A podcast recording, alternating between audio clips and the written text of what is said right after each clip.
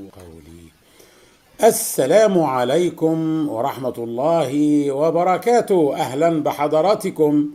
أرحب بكم وأرحب بالدكتور بوعزة عسام الله يكرمك. أستاذ الأدب الإسباني والترجمة في كلية الآداب والعلوم الإنسانية بالمحمدية جامعة الحسن الثاني في المغرب. وهو حاصل على درجة الدكتوراه من جامعة أوتونوما بمدريد والمتخصص منذ عام 2012 في نظرية ترجمة القرآن الكريم وله كتاب منشور في هذا الموضوع هي نظرية ترجمة القرآن بعنوان معالم نظرية تأصيلية لترجمة القرآن الكريم هذا طبعا بالإضافة للعديد من المقالات المحكمة والمقالات الصحفية المنشورة وهو بالمناسبة مؤسس ومدير موقع قرآن ريسيرش دوت نت أهلا دكتور. أهلا وسهلا بك يا باشمهندس. الله يكرمك أستاذ فاضل. أهلا بارك وسهلا. مرحبا بنا عندك يا دكتور. الله يكرمك. الله يكرمك ويبارك فيك. طبعا المشاهدين عارفين إن إحنا النهارده آه، بنستكمل حلقات السلسلة المباركة التي بدأناها عن مترجمي القرآن الكريم. نعم. الذين قدموا كتاب الله لمن لا يعرفون العربيه فتكلمنا في الحلقة الأولى عن اليهودي النمساوي ليوبولد فايس الذي أسلم وجاهد في شتى بقاع الدنيا وفي شتى المجالات السياسية والثقافية وغيرها ليخدم الإسلام. وسمى نفسه محمد أسد. وترجم ترجمة تفسيرية جميلة جدا للقرآن الكريم إلى الإنجليزية. ثم تكلمنا في الحلقة الثانية عن محمد عاكف أرصوي التركي الذي ترجم القرآن إلى التركية ثم رفض نشر ترجمته لأن الظروف السياسية وقتها كانت توحي أنها ستستخدم في محاربة الإسلام. واللي عايز تفاصيل أكتر يرجع للحلقة الماضية. آه ولكن آه نشرت مؤخرا آه ترجمته منذ عدة سنوات عندما أعلن عنها آه أحد أبناء أصدقائه أو صديقه الذي كان يخفي عنده الترجمة. الليلة نحن على موعد مع مترجم آخر ترجم القرآن الكريم. هذه المرة ترجم القرآن الكريم إلى الإسبانية وقصته عجيبة لأننا حتى لا نعرف حتى اسمه يعني. فكيف سنتناول هذا الموضوع الصعب يا دكتور بوعزة إن شاء الله رب ربنا المستعان إن شاء الله. هي بصراحة أولا الحمد لله والصلاة والسلام على رسول الله وآله وصحبه ومن والاه. رب اشرح لي أمري آه، اشرح لي صدري ويسر لي أمري واحلل عقدة من لساني يفقه قولي. ربنا انفعنا بما علمتنا وعلمنا ما ينفعنا واجعله نافعا لكل الخلق يا رب العالمين. آمين. بسم الله الرحمن الرحيم. يعني آه، بصراحة ستكون نقلة بإذن الله نقلة تاريخية لأننا عموما تطرقنا لمترجمين معاصرين إلى حد ما من القرن العشرين. آه، آه، الوثائق متوفرة حجم التوثيق جيد. لكن آه، ارتأينا إن شاء الله أن نفتح هذه النافذة على فترة تاريخية مجيدة بالنسبة للمسلمين. وفي نفس الوقت كانت نهايتها إلى حد إلى حد ما مأساوية. لكن إن شاء الله سوف نحاول أن نتأمل في هذه الفترة ونتأمل فيها في سيرة رجل نحاول أن نقترب منه على الرغم من أننا لا نعرف اسمه لكن إن شاء الله سنضعكم في سياق ترجمته لكي نعرف قيمتها. وأقول لكم بداية أن قيمة الترجمة الآن حاليا ليست في في ذاتها في أن نجد هذه النسخة. قيمتها بالنسبة للباحثين أنها ترجمة كاملة للقرآن الكريم وهي أول ت- هي الترجمة الأقدم الموجودة إلى اللغات الأوروبية. كاملة. أنا أشدد على هذه المسألة. وبعد ذلك سأدخل في بعض التفاصيل إن شاء الله. فبإذن الله تعالى لا ننسى أن نفتتح هذه الحلقة دون الدعاء دون الدعاء لإخواننا. وهذه فريضة الوقت. أن ندعو لإخواننا المجاهدين في غزة وفي أكناف بيت المقدس. ونسأل الله أن ينصرهم وأن يعينهم وأن رب. يربط على. قلوبهم يا رب العالمين آمين يا رب. وإن شاء. الله يكون لنا عودة في في الدعاء الختام إن شاء. الله لك وإن شاء الله يكون عندنا حلقة من المسجد الأقصى أنا وإنت إن شاء الله يا يا هذه هذه منتهى المنى إن شاء الله يا رب، إن شاء الله. بعدها نتوفى را- راضين إن شاء الله راضين بإذن الله الله يكرمك. إن شاء الله فبداية يعني كما قلنا على عادتنا نقوم في هذه الست تطرق بالتحليل والتدبر في السياق التاريخي لترجمات القرآن الكريم. وهذا وهذا طبعا يأخذنا إلى آه، تحديد سياقها. والآن قررنا في هذه الحلقة إن شاء الله أن نخصصه للمترجم المترجمة تسمى ترجمة الموريسكي المجهول.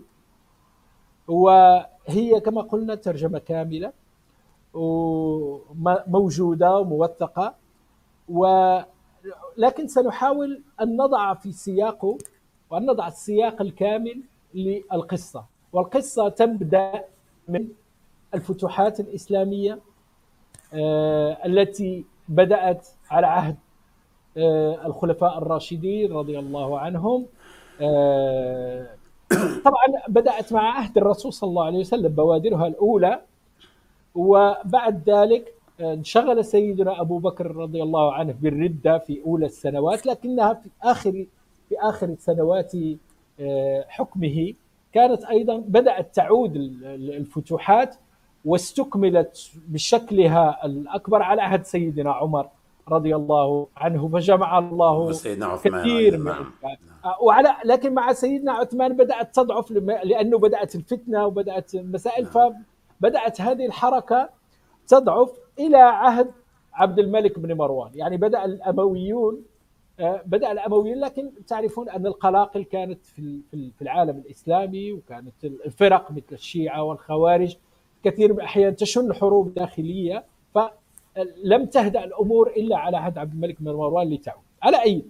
آه، فتح فتح إفريقيا ال- فتح الأندلس كان تابعا لفتح إفريقيا ب- من بلاد إفريقيا. طبعا بلاد إفريقيا جاءت جاء التفكير فيها بعد فتح مصر على يد سيدنا عمرو بن العاص رضي الله عنه. فبعد إفريقيا هنا إفريقيا تقصد بها إيه؟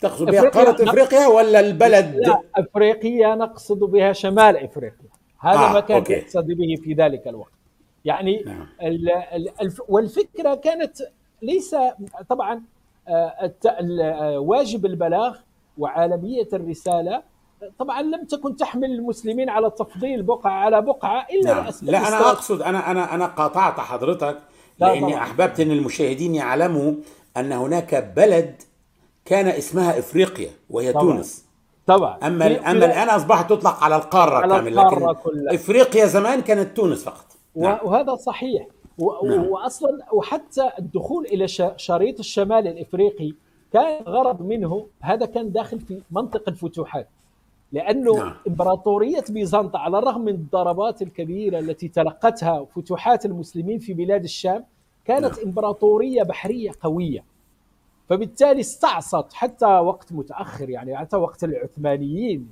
استعصى فتح القسطنطينية. ولكن كان الأهم هو تأمين هذه البقع من مصر وبعد ذلك إلى تونس إلى القيروان اللي كانت تسمى إفريقيا وكانت مقرها. وبعد ذلك بدأت الجيوش تتقدم إلى شمال المغرب. تحب أضع للناس خريطة الدولة البيزنطية الآن عشان يفهموها؟ تفضل. ممتاز. طيب طبعا. يعني هذه الدولة الرومانية و... والبحر المتوسط يسمى البحر المتوسط لأنه كان بحيرة داخل الدولة ولكن في. هذا الوقت حضرتك ممكن تعطي فكرة عن الانقسام اللي حصل في الدولة طبعا. الرومانية الغربية والشرقية وهكذا ممكن تدي فكرة عن حاطين الانقسام حصل قبل ذلك لكن روما الغربية اللي كانت هي اللي تسمى الإمبراطورية الرومانية وأما روما الشرقية فكان مذهبها أرثوذكسي ليس كاثوليكية روما الغربية كان- وكانت عاصمتها روما. اما أما أما الشرقية فكانت عاصمتها القسطنطينية وكانت تدين بالأرثوذكسية. اللي هي إسطنبول الآن. نعم. اللي هي إسطنبول الآن. و وال... و- وللملاحظة فإن إمبراطورية الرومانية سقطت في القرن الخامس. يعني اجتاحت مجموعة من شعوب شمال أوروبا نظرا لضعف الإمبراطورية اجتاحتها وقسمتها بين ملوكها. ما وقع أنها كانت أضعف بكثير من الإمبراطورية الشرقية من الروم. نعم نعم. على الأقل على المستوى البحري وهذا جعل المسلمين اولا لكي للوقاية وثانيا لأجل تبليغ ال- البيان آه، وتبليغ رسالة الإسلام أن يتجهوا إلى المناطق المتاحة وال- والتي كانت تظهر لهم متاحة. فلما وصلوا إقصى شمال إفريقيا ظهر لهم أن الأحوال في شبه الجزيرة الإيبيرية أيضا أحوال غير يعني لم تكن ب ب ب هذا الملك متوطدا ولا قويا جدا. كانت هناك تناحرات عائلية. فطبعا نعم. استخدموا هذه ال- ال- ال- النعرات التي كانت سائدة و- وقاموا بالتقدم نحو شبه الجزيرة الإيبيرية. شبه الجزيرة الأيبيرية معناها أيبيريا يعني أسبانيا. اللي هي اللي هي فيها أسبانيا والبرتغال الآن. حاليا وإضافة إلى إلى إلى أندورا التي لك صغيره بين إسبانيا وفرنسا. ولكن آه. عموما لما نلاحظ ان أن الفتوحات الإسلامية بداية الموجة الأولى وصلت إلى جنوب فرنسا. نعم. يعني إلى إلى إلى كاركاسون إلى بواتيه يعني حتى معركة بواتيه نعم و... نعم نعم. وطبعا لظروف سياسية كبيرة آه، المسلمون أخذوا يعني يعني دخلوا كل الجزيرة تقريبا وبقيت شريط ساحلي فيه قمم جبلية من- منطقة وعرة جدا جهه نافارا يعني جهة إقليم الباسك الحالي. اللي هو ده اللي هو اللي هو فيه هنا. آه بالأصفر. هذه المناطق وكانت إيه، أقل آه، بكثير. كانت أقل آه. بكثير. يعني كان شريط وفي مناطق وعرة فالمسلمون يعني بصراحة لم يهتموا لأمره اللي هي الآن منطقة بين أسبانيا والبرتغال بين إسبانيا وفرنسا يعني فوق وفرنسا الشمال. هذه آه. فرنسا أما أما البرتغال فيقع شرقا يعني شرق هذه الخريطة أوكي و و و والبرتغال على فكرة لا يذكر كثيرا لكنه كان يعني كان به المسلمون ومنطقة الغرب إلى حد الان تسمى الغاربي اللي هو الغرب آه. غرب البر- آه. ولا توجد فيه آثار كثيرة هذا هذا صحيح. طيب دخل المسلمون لكن استقرارهم سيكون في المناطق الأكثر خصوبة طبعا كان عدد السكان قليل شبه الجزيرة الإيبيرية والمساحة واسعة جدا. يعني حتى بعد من 1300 و 1400 للميلاد كان عدد السكان في إسبانيا قليل بالنسبة لشساعه ال- ال- البلاد وكانت بلاد مزدهرة وجيدة فالجيوش التي التي دخلت آه، بدأت عموما آه، كما قلنا استوطن المسلمون عموما في الغرب وفي آه، في جنوب وفي شرق شبه الجزيرة الايبيريه يعني الشرق منطقة فالنسيا إلى كاتالونيا. ثم نحن نازلون في الشريط الشرقي المحاذي للبحر الأبيض المتوسط منطقة زراعية ممتازة. هي نجدها عبر الشرق وجزر البليار التي تظهر هنا أيضا ثم جزر مم. صغيرة أيضا كانت جزر ب- في الأندلس ثم الجنوب ثم الجنوب الذي هو كان أقرب إلى شمال إفريقيا بحكم هو القرب غرناطة غرناطة يعني. آه قرطبة وغرناطة قردوبا وإشبيلية. وغرناطة نعم. وغرناطة وإشبيلية ومالقا هي هذه. طيب بصراحة أنا أعتقد لكي لا نطيل في هذا الباب أعتقد أن ب- الكثير مما قرأته حول الأندلس آه، لاحظت آه، هيمنة نوعين من الخطاب. أنا لا أقول أنهما غير صحيحين لكن هيمنتهما في كثير من الأحيان تحجب علينا الرؤية. اولا هيمنة التاريخ السياسي ولن أتوقف عنده قليلا سوف أحاول أن ألخصه. الثانية التعامل بعاطفية كبيرة مع الموضوع. نحن نتعامل مع مع الأندلس في مشاعر حنين مشاعر قهر أيضا خصوصا على الفترة يعني ما بعد سقوط الأندلس. آه، ولكن يعني ثمة مساحة لتحليل منضبط دون أن دون أن نمس بهذا الجانب العاطفي. يعني مم- ممكن أن نعقلن و وسوف نرى آه، يعني تحليلا عقلانيا للأمور إن شاء الله. طيب على على المستوى السياسي ونمر إلى الآن إلى إلى هذه الصورة من فضلك أستاذ. أي واحدة أستاذ ال- هذه اللي فيها تاريخ تسلسل الزمني للأندلس. نعم. التسلسل الزمني ممتاز. طيب لكي نلخصها لدينا الفتح الإسلامي دخول الأندلس المسلمين للأندلس. على فكرة آه، توجد دراسات تؤكد الآن أن وجود المسلمين في شبه الجزيرة الابيريه سابق على ال 711 نعم. يعني 711 دخول قوات عسكرية يعني دخول جيش نعم. الإسلام نعم لكن الإسلام نفسه دخل قبل ذلك الإسلام نفسه دخل صحيح. طبعا لأن لأن هذه المنطقة طبعا القرب الجغرافي يجب أن نتخيله يعني نعم. لما تقف على شواطئ طنجة أنت بالليل ترى السيارات تمر في الجانب الموالي في الجانب نعم. المقابل يعني هي 15 كيلو نعم. يعني ممكن أن نعم. ترى المدن في, في, في على الجانب الآخر يعني أنا قريبة جدا عموما صحيح. فبالتالي قلنا طارق بن زياد دخل في 711 وهذه الفترة الأولى لتاريخ الأندلس التي تسمى يعني آه، فترة التبعية للمركز الإسلامي لمركز الدولة الذي كان في دمشق في ذلك الوقت نعم. الأمويين كانوا تابعين نعم. للأمويين نعم. لكن تصادف أنه في ال 750 تدهورت الدولة الأموية وبدأ نعم. صعود الدعوة العباسية فطبعا العباسيون شم شنوا حرب تطهير عرقي يعني على أمراء الأمويين آه، خوفا من أن يفلت أحدهم ويطالب بالملك ويشن عليهم ثورات وكذا. وصدق حدسهم إلى حد ما. فالذي أفلت منه من بين من افلتوا من الفرع المرواني عبد الرحمن الداخل سمى عبد الرحمن بن معاوية وهو من الرجال الأفداد في التاريخ بصراحة. لأنه وصل إلى الأندلس وصل وحده وحيدا وبعد مطاردة دامت سنتين وأكثر. يعني عبر خلالها من الشام إلى آه، من من من من دمشق من الشام الحالية عبر فلسطين إلى مصر إلى إلى تونس الحالي الجزائر إلى المغرب.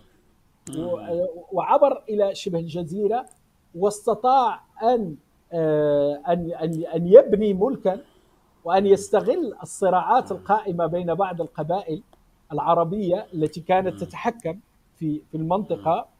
و تحالف مع بعضها ضد الآخر حتى تمكن من أن يتحول إلى أمير للأندلس إلى أن يوحد البلد. وأن يبدأ الدولة الأموية مرة أخرى هناك. ويبدأ الدولة الأموية. يعني نعم. لدينا دولتان أمويتان ودولتان عباسيتان. تمام. يعني لدينا لا نعم. العباسيين لا في هذا الوقت كانت الدولة الدولة الأموية الشرقية لسه موجودة؟ لا لا كانت انهار كان خلاص. انهارت. آه بالظبط. برضه عشان ندي بس فكرة للمتابعين صحيح. لما طارق بن زياد دخل سنة 711 ده معناه سنة 92 هجريا. عشان بس بعضهم تخيل متى هذا الوقت أوكي؟ آه لما بنقول عبد الرحمن الداخل دخل بعدها بعدها بحوالي 40 سنة أو 45 سنة مثلا. الحدود دي تمام. صحيح. تمام. فهي ف... فعلى العموم كان جزء من السكان لا زال ولاؤهم لبني أمية. يعني كان تمام أمر تغير الحكم لم تكن لم يكن قد وصل إلى الأندلس بهذا الوضوح تمام. يعني تمام. تغير تمام. الدعوة فعبد الرحمن الداخل بصراحة أسس دولة الدولة المركزية الأموية في الأندلس بصراحة نعم. كانت أوج الأندلس وكانت آه. وكان من من بنوا الحضارة في الأندلس بصراحة آه، سوف نعم. أعود للمسألة الحضارية معهم لكن يمكن القول أنه عبد الرحمن الداخل و... ولدينا هشام ولدينا وابنه عبد الرحمن الثالث هؤلاء إضافة إلى إلى إلى الحاجب آه، هذا اسمه الحاجب ابو أبو المنصور المنصور بن عامر الذي كان الذي كان حاجبا لأحد أمراء بني أمية وخلف في الدولة يعني كانه استولى على الحكم وبعد نعم. ذلك لكنه كان فترة فترة ازدهار أيضا سي وتوحيد سياسي هذا المهم نعم. الفترة الأموية كانت فترة قوة سياسية حتى أن نفوذ المسلمين كان لا يتوقف عند عند حدودهم بل كان نفوذهم حتى في الممالك المسيحية التي كانت موجودة نعم. على الشريط الشمالي كانت تدين لهم بالولاء وكانت لا تسعى إلى حربهم كانت قوة سياسية نعم. كبيرة جدا نعم.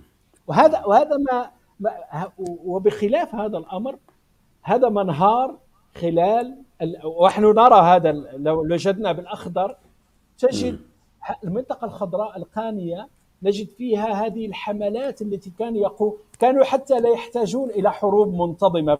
في كثير من الأحيان كانوا يقومون بغزوات من سواء من أجل تأديب بعض الأمراء أو من أجل الردع إلى حد ما. فكانوا فكانوا بعيدين عنهم في هذه المنطقة التي تعتبر وسط إسبانيا هضبة لامانشا تعد منطقة كانت منطقة شبه خالية من السكان. فكان هذا الشريط بينهم. فبصراحة كانت سياسيا كانت أقوى فترة أندلسية. حتى أن الأندلس كانت تتحكم في شمال إفريقيا سياسيا. كانوا يشنون حروب يعني عبد الرحمن الداخل ومن بعده في الدولة الأموية. كانوا يتحكمون سياسيا في ظل وجود دول ضعيفة ووجود متمردين وثوار ومدعي حكم. فكان فكانت تتحكم سياسيا في شمال إفريقيا. هذا صح وهو بس نشرح للمشاهدين بعد إذنك. الأخضر الفاتح ده مملكة قرطبة مملكة أوه. أموية موحدة قوية. الأخضر القاني يعني الغامق الشريط اللي آه. فوق ده دي منطقة آه. غزوات.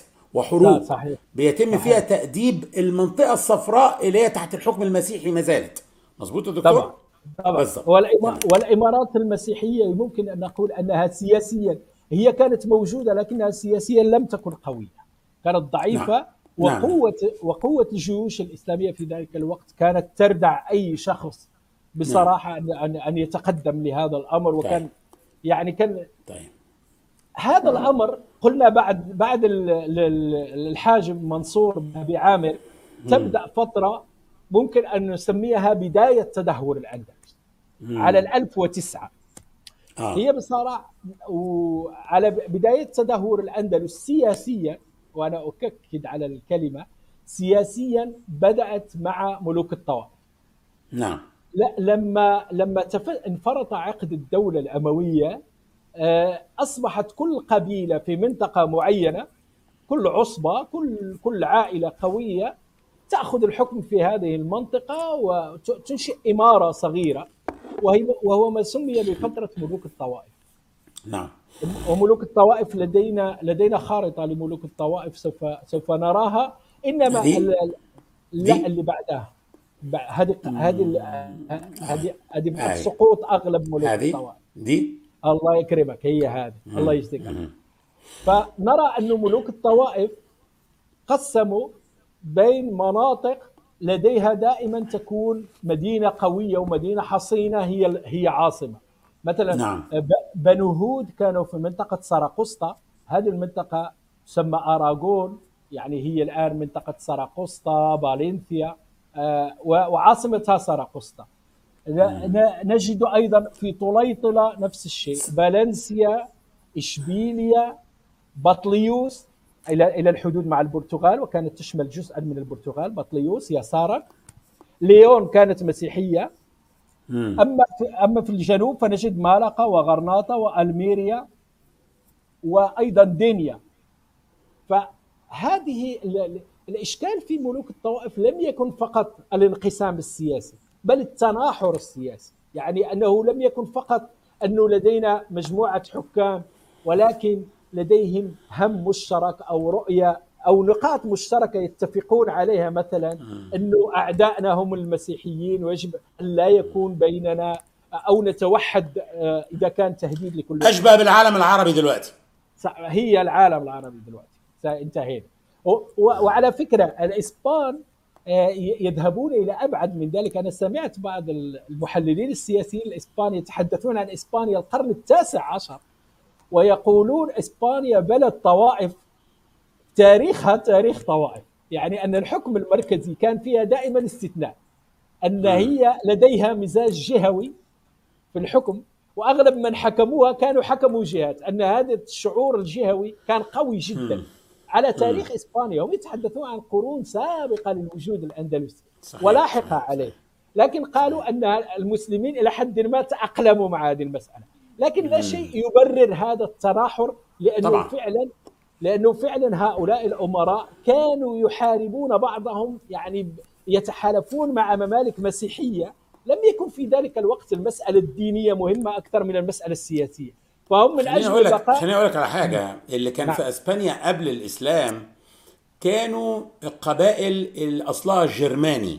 فكان صحيح. عندك الواندل وكان عندك القوط القوط الغربيين والقوط الشرقيين والبرجنديان واللومبارد وكل هؤلاء كان موجود منهم ناس في إسبانيا. طبعا المعظم كانوا قوط وواندل صحيح. والواندل نزلوا على شمال أفريقيا. فالتناحر على الأقل كان مبرر من المسيحيين لأنهم كانوا قبائل مختلفة وقبائل في تاريخها كانت متناحرة أيضا. لكن ما كانش هذا مبرر من المسلمين. صحيح ما لا شك فيه.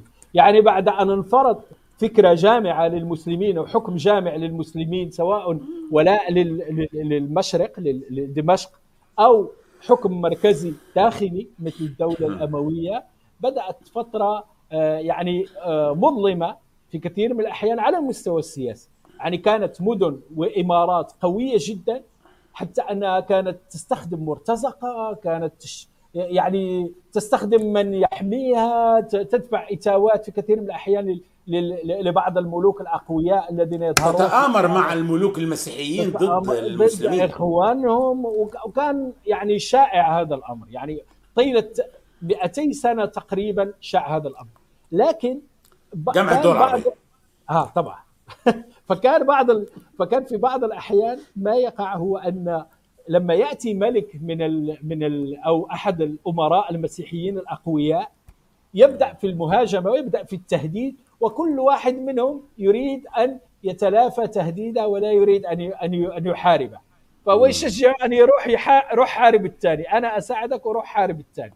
عندي ثأر معه عن شيء ثاني. فوصل التهديد حتى آه، أول إمارات بصراحة التدهور السياسي للاندلس هي سقوط طليطله وسقطت في ال 1086 يعني سقطت في في وقت مبكر جدا على سقوط الأندلس. نحن نتحدث عن سقوط غرناطة في ال 1492 مم. ارجع ارجع لنا لهذا لهذا الرسم البيان لا طليطلة أي أي واحدة فين طليطلة؟ هي هي في الوسط. آه في الوسط. هي آه، سقطت طبعاً. اولا ها؟ هي دخلوها. بتوع ليون. دخلوها. مسيحيين ليون بقى. مم. أكيد. فطليطله على فكرة كانت من أكبر حواضر. اولا هي كانت عاصمة القوط لما لما دخل المسلمون دخل على أنها أهم مدينة في إسبانيا في ذلك الوقت كانت طليطله نعم. وهي مدينة صغيرة قرب مدريد يعني بعيدة 70 كيلو وفيها آثار جميلة جدا. يعني مدينة صغيرة لكنها مدينة متميزة بصراحة. مم. للزيارة إن شاء الله لزيارتكم يا أستاذ أستاذ فاضل إن شاء الله، ربنا. يكتب لك زيارة بإذن الله. يا رب. آه وهي قريبة يعني هي قر- قريبة. أنا آه رحتها كثير أنا رحت آه, كثير. آه سبحان الله. خلاص. كثير. آه. ممتاز. أنا ما كنتش عارف. فال طبعا سقوط طليطله كان أولى علامات الإنذار. كان أولى علامات نذر أنه يحصل تغير. وفعلا حصل تغير بعد بداية الألف الثانية للميلاد. يعني بدأت التجييش للحروب الصليبية بدأت الكنيسة تحرض وتجمع عقيدة للمسيحيين لكي تبني لهم عقيدة ليدافعوا عنها. تبني بناء عقدي تحشد الأمراء تجمع الأموال توحد ال- ال- الصفوف. بينما المسلمون في تشرذم كبير. فاضطر هذا إلى حد ما أنه آه، صادف آه، من ألطاف الله أنه صادف في ذلك الوقت قيام دولة قوية في المغرب آه، من سلالة أمازيغية ليست أصولها عربية هي الدولة المرابطية في المغرب. والدولة المرابطية بصراحة هي والدولة المح- الموحدية في ال 1086 عندنا معركة الزلاقة تصور يعني أعتقد أنه في, في مباشرة بعد سقوط آه، طليطلة. آه، وقع تدخل آه، تدخل يوسف بن تشفي المرابط وجرت معركة مهمة جدا. ممكن أن نقول أنها تأخ- أخرت سقوط الأندلس سياسيا أكثر من 200 سنة. اللي مم. هي معركة الزلاق كانت معركة فاصلة. آه و- الميكروفون بتاعك فين؟ الميكروفون بتاعك فين يا دكتور؟ هو هنا. طيب هنا آه، عقب. لأنه قرب. بعد شوية. لا لا لا لا هو بس دخل تحت الياء أو حاجة. فكان بس كمل كمل okay. ما كنا سامعين. ف فيوسف بن تاشفين اضطر للتدخل في الزلاقة. و, و... و... ب... على فكرة يوسف بن تشفين آه، جاءته مراسلات دبلوماسية لعلماء المسلمين من المشرق من بينهم أبو حامد الغزالي رحمه الله.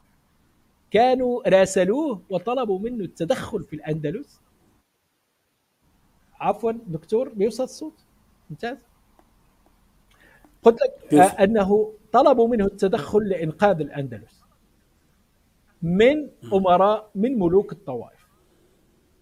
وله قصة شهيرة مع المعتمد بن عباد على فكرة أنه آه، أنه أنه لما آه، انتصر في معركة الزلاقة البعض كان يقول له ابقى في الأندلس ولكن هو آثر أنه آه، قال لهم هذه أرضكم دافعوا عنها وأنا خلاص تدخلت وكذا. لما عاد إلى المغرب رجع التهديد المسيحي مرة ثانية فاضطر إلى أن يأتي مرة ثانية ولأنه الأمراء عادوا إلى عادتهم القديمة ومنهم المعتمد وقصته الشهيرة فنفاه يعني لأنه لأنه فعلا أتعب. فنفاه إلى إلى إلى جنوب المغرب إلى جنب مراكش لحد الآن هو مدفون في اغمات في, في, في قرب مراكش. فملوك الطوائف بصراحة كان نوع من التدهور السياسي الكبير. مفهوم مفهوم. وبدأت تسقط يعني بدأ هذه مسلسل طويل لكن عموما آه، جاء بعدهم الموحدون أيضا الذين قاموا بنفس الشيء بتدخل في آه، عسكري في الأندلس. وكانت معركة شهيرة كانت معركتان. المعركة الأولى هي معركة الأرك 1157 وكان انتصر فيه المسلمون. ولكن بعد ذلك في الألف في 1213 وقعت معركة أخرى في عهد أحمد المنصور الموحدي أيضا في نفس الملك عاد إلى الأندلس. وخاض معركة العقاب هذه أول عقاب تسمى معركة العقاب. العقاب. العقاب وهذه المعركة يمكن أن يقال أنها كانت قاصمة ظهر الأندلس لأنه انهزم فيها الموحدون وكان بدأ يظهر انه أيضا هذه القوة التي ممكن أن أن تتدخل من الخارج أصبحت يعني شبه معدومة. وبعد ذلك جاء المارينيون لكن لم لم يكونوا بقوة لا المرابطين ولا الموحد ولا الموحدين ولا بأسهم في القتال. ولا المارينيون المارينيون أيضا كانوا أمازيغ؟ لا لا بدأت السلالات الشريفة. الباقي في المغرب باقي السلالات في المغرب. المغرب على فكرة آه، سياسيا تقليديا دائما كان متشيعا بين مزدوجتين. يعني نعم. فيه تشيع لآل البيت. يعني مم. قديم أغلب الدول بنيت على هذا الأساس على أساس مم. الأصل الشريف أصل آل البيت إلى الآن. يعني ولكن الاستثناء كان في هذين السلالتين فقط في المرابطين والموحدين. okay. مرابطين والموحدين كانوا أمازيغ. المارينيون آه كان رجع تاني الاصل آه كلهم مارينيون الوطاسيون السعديون العلويون كلهم يعني كل كل من جاء قبلهم الإدريسيون والأدارسة وبعدهم من جاء نعم. بعدهم و طبعا أنا عايز بس أوجه ألفت نظر المشاهدين إن كلمة التشيع في الوقت ده مش هو نفسه التشيع بتاع دلوقتي آه ليس التشيع يعني آه. الباطن ليس التشكيل الباطني لا. لا, لا, لا بل كان, كان آه. بل على العكس كانت بدايه كان لا. بيبدأ وبدأ بال, بال اللي سموا نفسهم الفاطميين اللي هم اللي آه. صحيح ولكن آه. قبله ما كان يحدث هو أن المغرب يجي المغرب الأقصى والأندلس م. كانت على أطراف العالم الاسلامي فكان نعم. كل من يضطهد كان كل شخص يضطهد أو يلاحق في في المركز يهرب إلى الأطراف وهرب كثيرون حتى إنه آه، في الجزائر في الجزائر الحالية كنا نجد كثير من الطوائف الإباضية و والخوارج كثير ممن اضطهد هرب إلى إلى إلى الأطراف. ومنهم نعم. كثير من آل البيت. فكانوا فكان طبعا آه، تشوف وحب لرسول الله ولبيت رسول الله. كان دفع كثير من الأحيان القبائل الأمازيغية إلى احتضانهم. وأن يجعلوا منهم أمراء. هذه هذه القصة عموما. فهو يفسر تمام. هذا الأمر. تمام. طبعا خلينا ندخل خلينا ندخل خلينا بقى إيه نسرع في الحتة دي عشان ندخل على الترجمة لسه. ما اتكلمناش لسه في الترجمة. طيب. قلنا آه المارينيون قلنا دلوقتي وبعدين؟ خلاص يعني ممكن أن نقول أنه بدأ انحدار بطيء نحو آه السقوط السياسي للأندلس. بدأت الإمارات تسقط كل واحدة في ظروف مختلفة على أزمان مختلفة وامتد هذا من 1213 إلى سقوط غرناطة في 1492 يعني قرابة أول حاجة سقطت أول حاجة سقطت قرطبة وخلال 200 سنة بدأوا يسقطوا إلى أن سقطت غرناطة. إلى أن سقطت غرناطة. مملكة مملكة غرناطة هي كانت آه. كانت مملكة كبيرة إلى حد ما و آه. وقاومت بشكل كبير وحتى حصلت على مساعدات أيضا من أجل المقاومة لأنه فعلا أصبحت الثغر الوحيد الموجود بعد سقوط مالاقا سقوط كلها. طيب ما الذي وقع؟ الذي ما وقع ما وقع في نهاية قبل سقوط غرناطة؟ نقطة مهمة أنه آه، أول مرة في التاريخ في في تاريخ تلك القرون وقع اتحاد بين مملكتين. وكان شيء مهم جدا. كانت ملكة ملكة قشتالية ومتعصبة جدا للمسيحية اللي هي إيزابيل إيزابيل الكاثوليكية تسمى إيزابيلا. فإيزابيلا آه، تزوجت من آه، ملك أراغون اللي هو فرناندو. وفرناندو كان رجل ضعيف الشخصية. هي كان هي كانت من يقود هذا الأمر. فطبعا نصف إسبانيا توحد.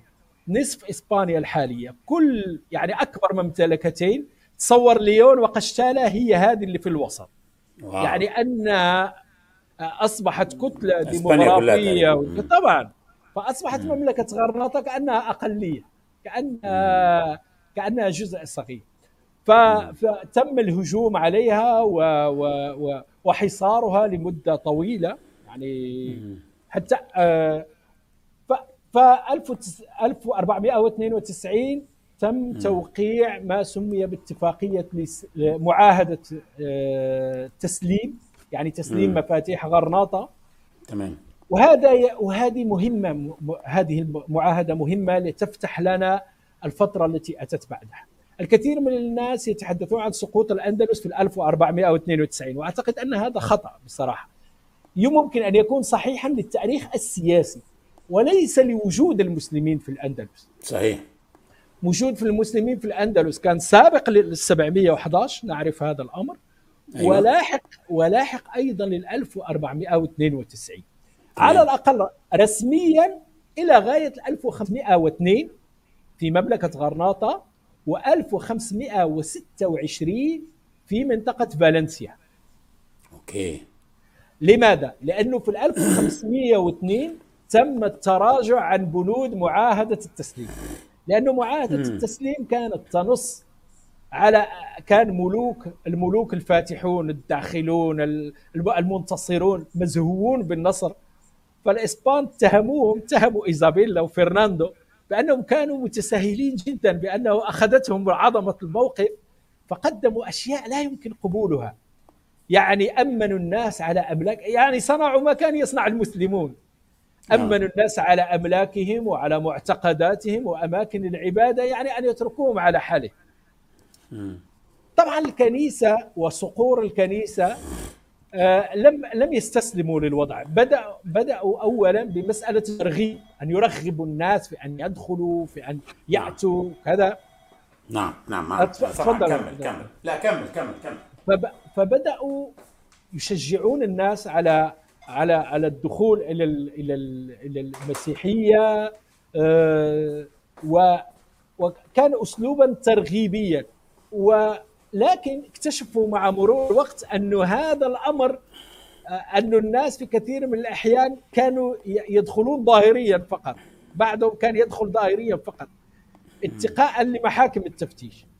أيوه. لكن لكن الأمر أصبح رسميا قلنا في 1502 لما صدرت قوانين جديدة آه، تمنع اولا منع تداول اللغة العربية بشكل كلي حتى في التعامل اليومي منع التداول أي كتاب أو تعليم أي شيء مرتبط بالإسلام أو باللغة العربية. آه وصلت إلى منع ما يسمى بأي لباس عربي. ممكن أن يدل على أن هؤلاء الناس طبعا كان لهم لباس إسلامي متميز في شكله في اللباس الأندلسي يعني حتى هذا الشكل الذي كان يعني مسألة مسألة تقاليد لباس كانت نعم. تميزهم كانوا لا يسمحون نعم. بها وأيضا نعم. وكانوا لا يسمحون ب... ب... ب... ب... ومنع ختان الأطفال ويعني منعت ليس فقط المظاهر الدينية بل منعت أيضا أي مظاهر ثقافية وهذا مهم جدا أن نعرفه أنه لم يتم تم التضييق على الناس في دينها ومنعه لكن أيضا في ثقافتها. يعني حتى الكلام حتى كذا وصلوا إلى حد من محاولة التنميط. يعني هذه المحاولات التي وجد من تلك الروح الأوروبية التي وجدناها قرورا فيما بعد مثلا عند الفرنسيين أو عند النظام النازي أنه يريد أن يقولب مجتمع في قالب موحد وفكرة الدولة القومية التي كانت فكره جنينية في ذلك الوقت. نعم. فانفتحت قلنا بعد آه، بعد هذه القوانين الصارمة انفتحت فترة تسمى فترة الفترة الموريسكية بين المزدوجتين وهذا اللفظ أنا أتحفظ عليه لأنه حتى الأندلسيون تصوروا من 1492 إلى 1609 وبدأ مسلسل ما سمي بالطرد النهائي للموريسكيين بين مزدوجتين يعني هذه الفترة مهم جدا أن نتعرض لها. لأنه أولا تحول طبعا يجب أن نعرف أنه نزوح المسلمين آه، من من من من أراضي شبه الجزيرة الإيبيرية بدأ نعم. منذ بداية التوسع المسيحي يعني كان لما المسيحيون آه، أو الممالك المسيحية تستولي على بقعة معينة. كثير من المسلمين من كان يخاف التضييق كانوا ينزحون إلى مناطق أخرى وتبقى أقلية هذه طبعا عايزينك عايزينك تكلمنا عن فور عن انتفاضة البشرات طيب لأن في الفترة دي إليها. طيب خلاص سأصل إليها الآن أصل إلى البشرات أيوة. ما وقع هو أن آه، طبعا في ذلك الوقت قبل سقوط غرناطة كانوا يسمون المدجنين من كان يبقى داخل الأقليات التي تبقى داخل الممالك المسيحية آه، تسمى مدجنين. بعد سقوط غرناطة أصبحوا يسمونهم الموريسكيين الأقلية آه. الموريسكية. على الرغم من أنها لم تكن أقلية مثلا في الجنوب لم تكن أقلية. في في في غرناطة كان عدد مهول من السكان يعني كانت غالبية السكان. حتى بعد سقوط غرناطة وقع نزوح يعني موزات النزوح إلى شمال إفريقيا سواء لم تتوقف لا قبل سقوط غرناطة ولا بعدها.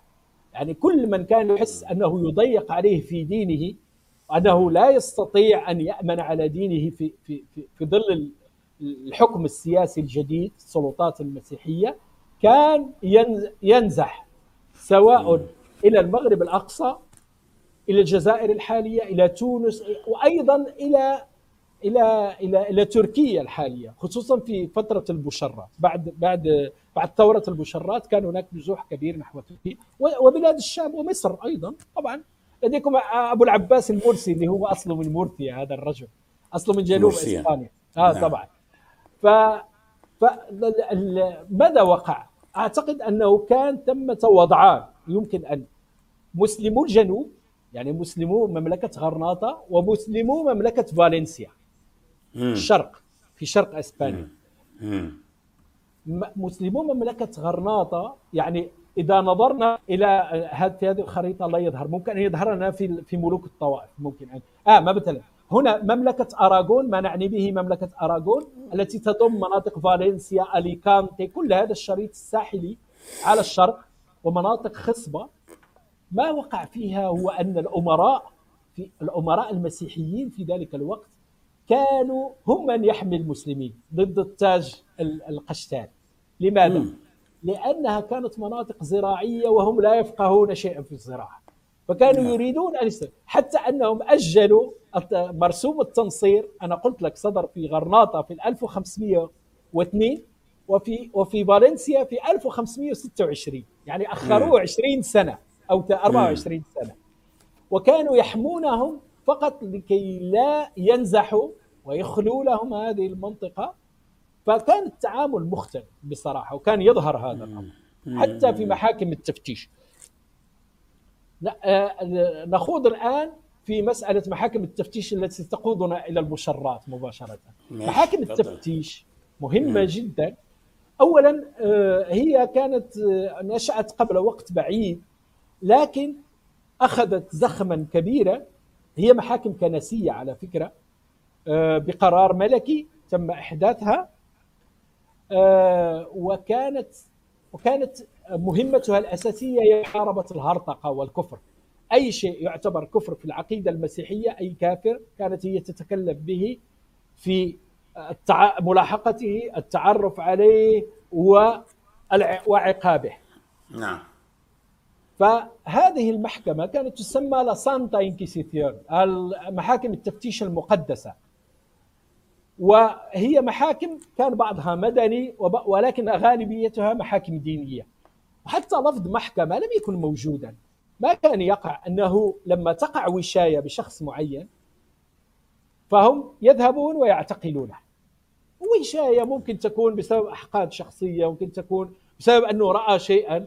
بسبب أنه مثلا آه، السلطات هذا محاكم التكشيف بعض الأحيان كانت تأمر الناس مثلا أيام الجمعة وأيام الأعياد أن يتركوا البيوت مفتوحة لكي يتأكدوا من أنهم لا يقيمون أي طقوس أو شعائر صلاة الجمعة. صلاة الجمعة مثلا.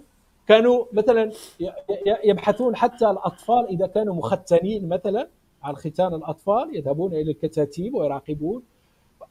فأي شيء يضبط سواء بحق أو بباطل يضبط شيء أو لا فهذا الشخص يتم اعتقاله ويتم استجوابه. خليني أبسطها بس للمشاهدين. إحنا يا جماعة عندنا آية في سورة البقرة لا إكراه في الدين. عكسها بالظبط الديانة المسيحية. هناك إكراه في الدين. معقول؟ آه. طيب مين اللي أفتى هذه الفتوى؟ سانت اوغسطين المدفون في عنابة في الجزائر. أنا اوغسطين ده كان ده في القرن الرابع يعني الميلادي. أفتى بناء على إيه بقى؟ إيه الدليل بتاعه؟ آية موجودة في في الكتاب المقدس. قال السيد للغلام اخرج إلى الطرقات وألزم الناس بالدخول إلى بيتي. ففسرها السيد هو الله الغلام هو المؤمن. إذا على المؤمن أن يخرج إلى الناس ويدعوهم للدخول إلى بيت الله. إذا لم يدخلوا يلزمهم ويكرههم من أجل مصلحتهم. نعم. وهذا ليس بقى إلى أي م... إلى أي مرحلة بقى وصل الإكراه؟ كانوا بيكرهوهم على عشان مصلحتهم إزاي؟ اسمح لي يا دكتور نجيب لهم شوية كده إيه من ال... الأدوات بتاعة الإيمان اللي كانت قبل بتس... عايز قبلها كان طيب بعدين طب. لا فقط أود أن أعلق على هذا الأمر ولكن فضل. أنا قلت لك لكي ندخل في قصة الاستجواب هذه الاستجوابات م. كثير منها لم يكن م. لم يكن له لا هيئة استجواب ولا تأكد من أدلة كان ما يسمى بأنه لا يهمنا ما تقول أنت يجب أن تعترف فيبدأون في تعذيب الشخص لغاية أن يعترف أو يرمونه في في المطامير حتى أنه في الإسبانية لفظة مثمرة ومطمورة التي تسمى مطمورة تحت الأرض آه. هي كلمة تقريبا مخصصة لمحاكم التفتيش. شذوذ محاكم التفتيش حتى كانوا يسمونها ناس مطمرة يعني مطامير يعني كانوا يرمونها تحت الأرض وينسون الرجل. فكان شيء فظيع جدا.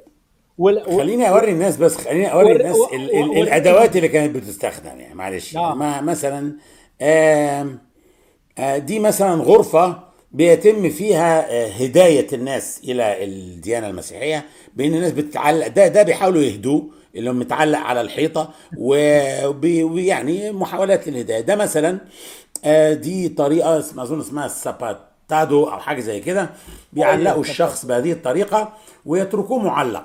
لكن على حسب مدى العند بتاعه. إذا عند أكتر يبدأوا يعلقوا أوزان في رجليه وفي يديه فتبدأ تنخلع أطرافه إلى أن يؤمن وينطق بالإيه؟ بال بال بال آه بالإيمان المسيحي على على فكرة لا يهم. أن تنطق بالإيمان المسيحي القصة النطق بالإيمان المسيحي ما كان ما كان يصنعه هو أنه كان يعجل لك في في في الوفاة.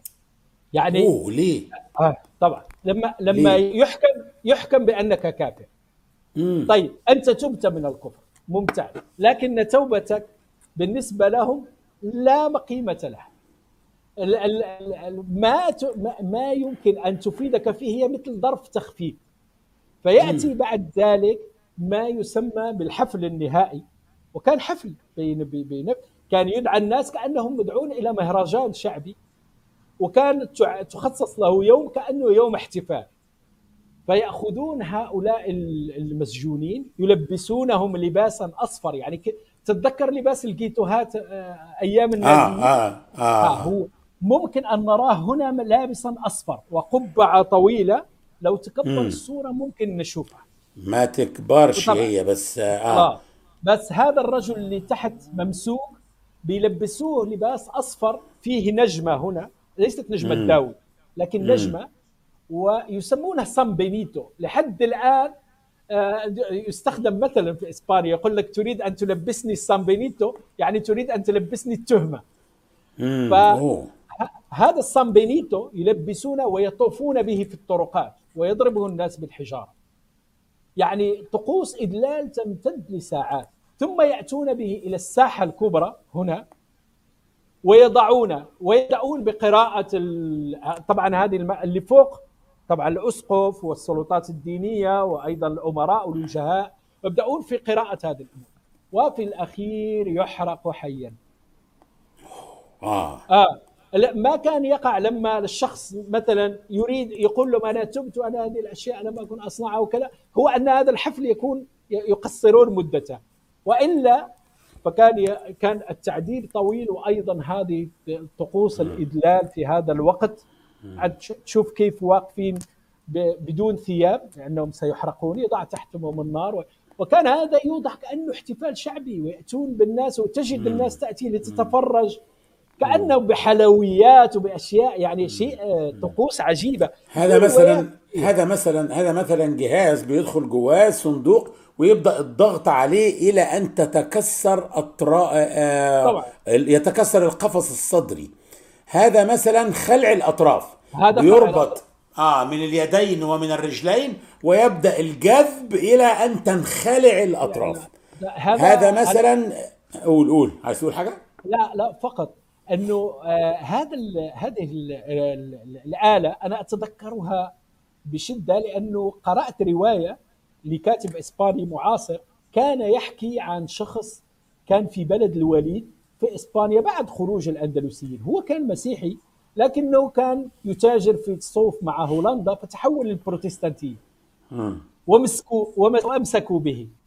فالرجل كانوا أمسكوا به وكانوا يضعونه في هذه الآلة.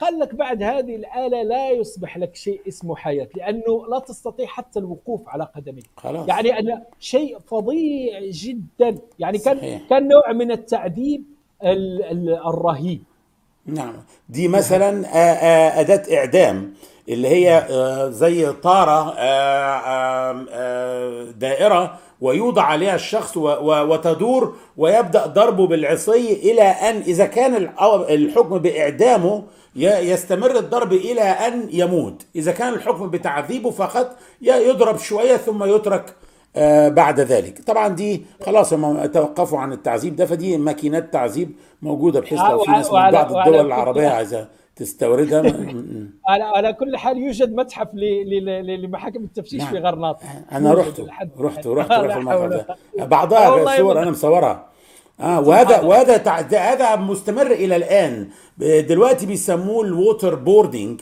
اللي آه، هو بيضعوا آه لكن. زمان كانوا آه، آه، آه، الإغراق إنما ده وقتها كان يضعوا الماء في فمه ويفضلوا كأنه يشعر إنه بيغرق إلى أن يعني يوصل بتاع يعني آه، هذا لا هذا هذا من أبو غريب في العراق على إيد. الأمريكان.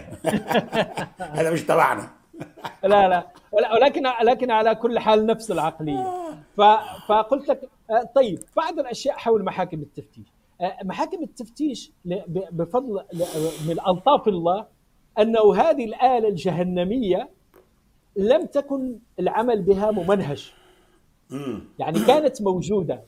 لكن كانت كانت كثير من الأشياء تخفف من وطأتها اولا آه، مسألة الفساد الإداري يعني آه. آه. كثير من من الناس كان ممكن أن يفلتوا منها مثلا إذا كان لديك مثلا تدفع يعني للأشخاص آه، ثانيا مثلا أن تصلك وشاية تكون يكون عندك شخص مهم مثلا كثير من الأشخاص الذين الوسط. كانوا مثلا آه الوسطى ما سواء من اليهود أو أو المسلم. على فكرة تعرض له اليهود والمسلمون على حد نعم نعم فقط القول.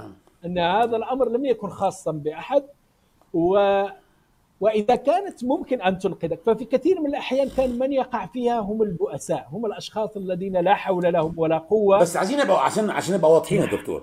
القوانين دي كانت بتفرض على الناس إيه؟ إعلان نصرانيتهم ولا كان من الممكن أن يبقى مسلما أو يهوديا معلنا؟ لأن طيب. أنا اللي اعرفه إنه كان بعضهم يتظاهر بالنصرانية وهو يبطن الإسلام أو يبطن اليهودية؟ وأنا عندي حتى آه. الطريقة التي كان ينتهجها اليهود. بعدين فهل لسه هتوصلها لسه الحتة دي؟ طيب أناقش كمل. معك هذه النقطة. كمل.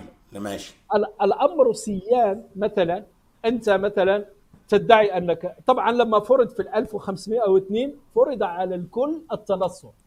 يعني التنصر لم يعد خيارا. نعم. خلاص. ال ال ال قانونيا لم يعد. فبالتالي أنت ممكن أن تظهره ولكن آه، ذهبوا إلى أبعد من ذلك. لما رأوا انه الأمر انه هذا الأمر سهل أن أن يتحايل عليه الناس ذهبوا إلى ما يسمى بمفهوم الكريستيانو نويبو أي المسيحي الجديد. بدأوا في تصنيف على أساس عرقي. المسيحيون القدماء أو كريستيانوس بيخوس هم الناس المعروفين انه أجدادهم مسيحيين. يعني من أحفاد القوط وكذا. ولكن أي واحد دخل أو في أحد ابائه أو أجداده كان في آه، اسم عائلي مسلم أو شيء من هذا القبيل أو في عائلته فهذا يعتبر يعني كأنه ظرف تشديد. فهذا يقربك إلى حد ما إلى دائرة الشبهة. فكان يكفي أنه وشاية شيء من هذا القبيل أو دس أو دسيسة أو شيء من هذا أو آه، مثلا غلطة لسان للأطفال. في كثير من الأحيان كانوا يذهبون إلى الأطفال ويستجوبونهم لأنهم في كثير من الأحيان أكثر براءة حتى أنه كثير كانوا لا يحدثون أولادهم عن الإسلام إلا في سن متأخرة حتى يعقلوا لأنه المسألة خطيرة. لو خرج منه أي كلمة ممكن أن أن تذهب فيها الأسرة كلها. فبالتالي فبالتالي بالنسبة لهذه السلطات في كثير من الأحيان الأمر سيان. أن تظهر أن تبطن لا شيء. لا ال- المسألة هو أنه أنت أن تقع في الكماشة أو تفلت منها. هذه أصبحت المسألة. الناس كانت تجتهد في أن لا تقع في الكماشة سواء عبر يعني ال- ال- العيش. كثير من كان يفلت في القرى المعزولة مثلا. أشخاص في المنازل المتباعدة يعني يصعب التجسس عليها. مثل لي- ليس. مثل المدن مثلا. الناس التي لديها مثلا مناصب عائلات تجار وكذا لديها بيوت كبيرة فيها دهاليز فيها أماكن سرية سراديب يعني لا يصل إليها أحد مغلقة. وأيضا يتمتعون بحماية الأمراء والوجهاء ويستخدمون الصداقات والرشاوى وكذا. ثمة حالات كثيرة في هذا الأمر. فهذا الأمر أنقذ. مسألة ثانية وأخيرة بالنسبة لمحاكم التفتيش. أنه الاسبان يعتبرون أنه إلى حد ما صحيح يعتبرون بفظاعه هذا الأمر لكن يقولون أنه تمت المبالغة إلى حد ما في هذا الأمر. ومن بالغ فيه هم باقي الأوروبيين وبخصوص يتهمون الإنجليز. يقولون إن الإنجليز كانت لديهم الطابعه وكانت لديهم الكتب فأشاعوا على إسبانيا ما سمي بالأسطورة السوداء بأنها بلد ظلامي بلد تعصب بلد كذا. وأنه الإشكال الذي وقع هو أنه في ذلك الوقت كانت الإمبراطورية الإسبانية لديها بيروقراطية شديدة فكانت تدون كل شيء حتى أنه الآن نعرف أسماء وأعداد كل الأشخاص الذين مروا أمام محاكم التفتيش. أقول لك آه. بينما بينما في فرنسا وإسبانيا كانوا يمسكون الناس في محاكم التفتيش ويرمونهم في حفرة ويجدرمون فيهم النار وانتهينا ولا يسمعهم أحد. فالاسبان يدافعون على أنفسهم أنه إلى حد ما تم المبالغة وكذا لكن هذه مسألة فظيعة سواء وقعت لخمس آلاف أم لعشرين ألف. بالنسبة إلينا مسألة طيب اسمح أعداد. لي اسمح لي اسمح لي يا دكتور أقول لك على حاجة. نعم. في الفترة دي اللي في القرن السادس عشر نعم. لما آه، حصلت محاكم التفتيش في أسبانيا كان يحكم بال- بالحرق آه، على المهرطق. نعم. وكان ينفذ هذا الحكم في أوروبا كلها.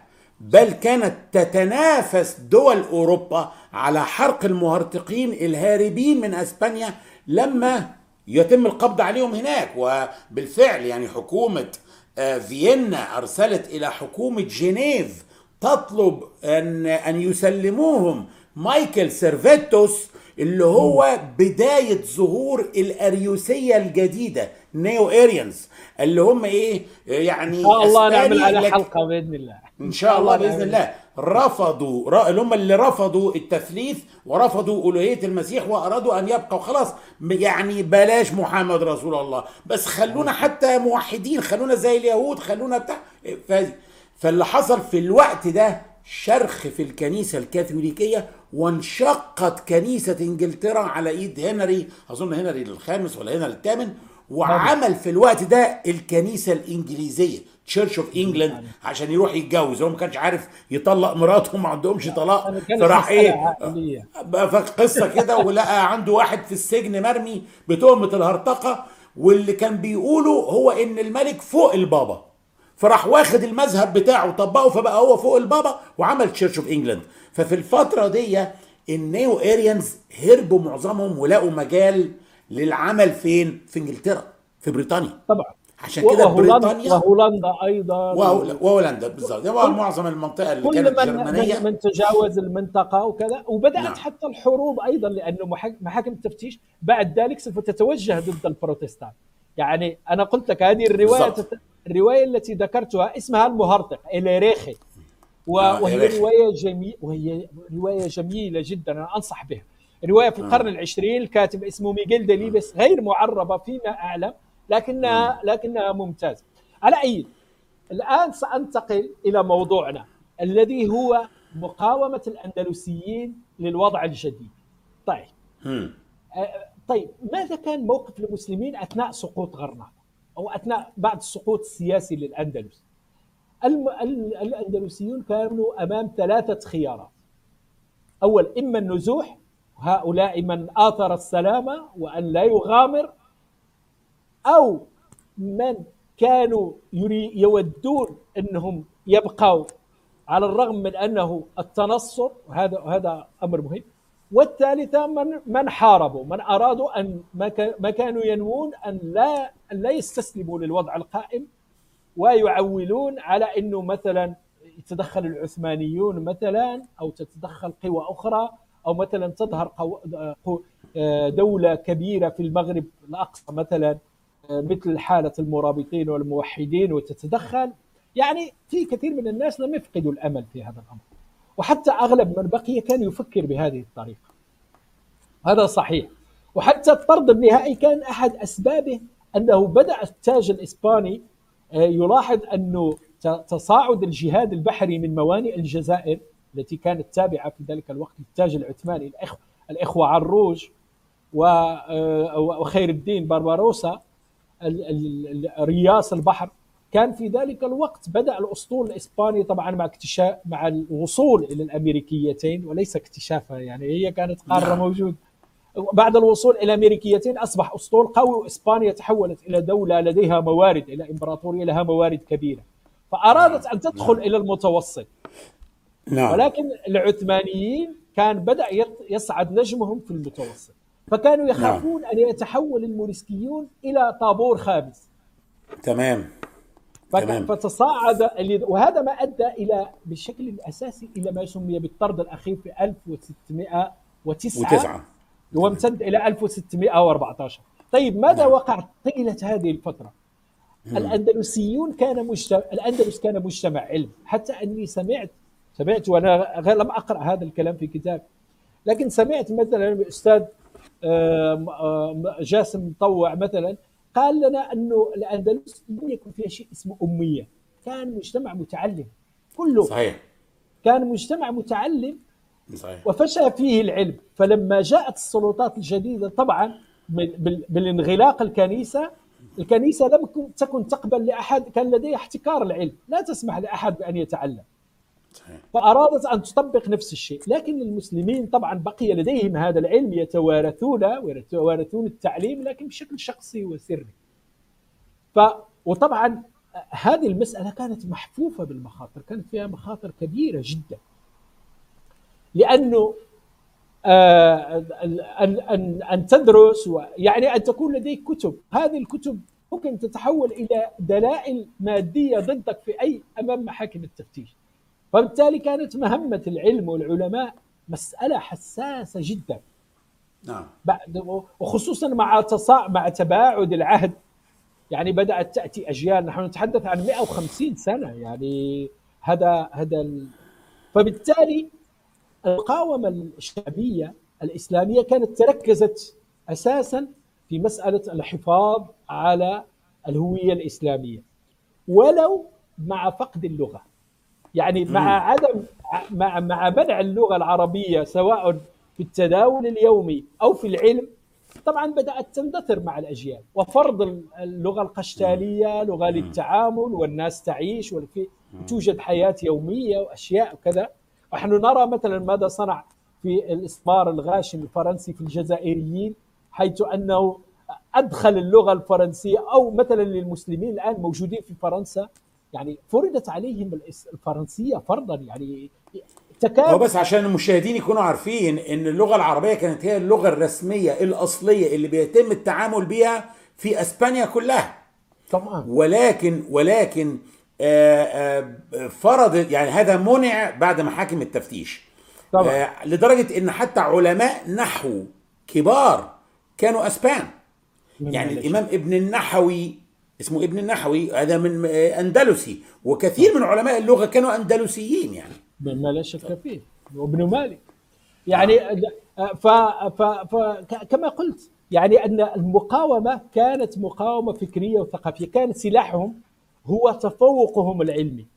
وأيضا نعم. تفوقهم في الصنائع إحنا قلنا مثلا في في منطقة فالنسيا أن الأمراء كانوا يتوددون إلى المسلمين ويحمونهم أمام الكنيسة لأنهم كانت القوة العاملة الرئيسية. يعني يقولون لهم لو لو لو رحل هؤلاء ستخرب الدنيا لن نجد ما نأكله. ووقعت مجاعات كبيرة في إسبانيا بعد الطرد النهائي على فكرة. إيه يعني تدهور اقتصادي كبير جدا. يعني الصنائع كان يمسكها الموريسكيون. فهذا مهم جدا. طيب وهذا يحملنا إلى ترجمتنا الم... التي تحدثنا عنها. الترجمة التي نقصدها طبعا في ظل هذا السياق أي عمل مرتبط بالدعوة الإسلامية في أوساط المسلمين كان يعتبر عمل بالغ الخطورة ويتطلب نوع كبير من الاحتياطات. يعني اولا إضافة إلى الأهلية العلمية فإن وجود كتاب مثل وجود القرآن الكريم طبعا هذه أكبر الكبائر بالنسبة لمحاكم التفتيش. كثير من الناس أمسكوا عليهم فقط رسائل باللغة العربية أو أدعية أو أشياء بسيطة وكان هذا سببا في في في في في العدوان عليهم وإحراقهم أحياء. فهذه الترجمة نحن نتحدث عن نسخة سوف إذا إذا إذا كان لدينا الصورة مع الأستاذ فاضل هذه الصورة الموجوده عندك هذه الصورة الموجودة عندك طيب النسخة التي نتحدث عنها هي ترجمة كاملة للقرآن الكريم إلى اللغة الرومانثية اللي هي الإسبانية في ذلك الوقت كانت تسمى الرومانثي آه وهي ترجمة كاملة مؤرخة في سنة 1606 لاحظوا معي التاريخ. التاريخ مهم جدا. 1606 يعني إحنا نتحدث عن الطرد النهائي في 1609 ونتحدث عن سقوط غرناطة في 1492 يعني تصوروا المدة الزمنية الكبيرة لهذه المقاومة. يعني هذه النسخة أنجزت م. للقرآن الكريم في 1606 وهي كاملة موجودة آه، ومحفوظة في مكتبة كاستيا لامانشا قشتالة في منطقة قرب مدريد وهي موجودة في المكتبة العامة وهذه نسخة منها. طيب ما حكايتها؟ ما لدينا هو أنه هذه آه، من من نعرفه على وجه اليقين هو نساخها من نسخها. يعني عبر مخطوطين منفصلين طبعا هذه هذا المخطوط يضم فقط الترجمة. كما تلاحظون الحمد لله principio del Alcorán principio del Alcorán es siete aleyas الحمد لله فاتحة القرآن وهي من سبع آيات وآياتها سبع. فهو بدأ مباشرة يعني هكذا يبدأ المخطوط. لكن وجدوا مخطوطين منفصلين عنه آه، يتحدث فيهما ولو بعجالة عن نسخه لل... لل... للترجمة. عفوا أخذ لكم البيانات لأنه قلنا آه، نسخها هو يقول أن نسختها بين شهري أبريل ويونيو من تلك السنة يعني من سنة 1606 للميلاد. ولا يذكر اسمه ولكن بعض الباحثين يذهبوا إلى أنه ممكن أن يكون آه، محمد روبيو. أو محمد روبيو. آه، والمرجح أنه كان في منطقة أراغون هذا الذي نسخ. النسخة الموجودة. وأنه نسخها انطلاقا من ترجمة كانت موجودة باللغتين العربية والرومانسية. فهو قال لأسباب عملية قمت بنسخ النص الرومانسي فقط أو النص الأسباني فقط. آه هذا طبعا لدينا النسخة لكن لا ندرك من ترجم الترجمة. الترجمة أصلها من, من أين أتت؟ الترجمات المعروفة بين الترجمات المعروفة والفرضية التي يذهب إليها أكثر الباحثين وهي قصة جميلة أيضا سنرويها تعود بنا إلى سنة 1457 تذكر معي.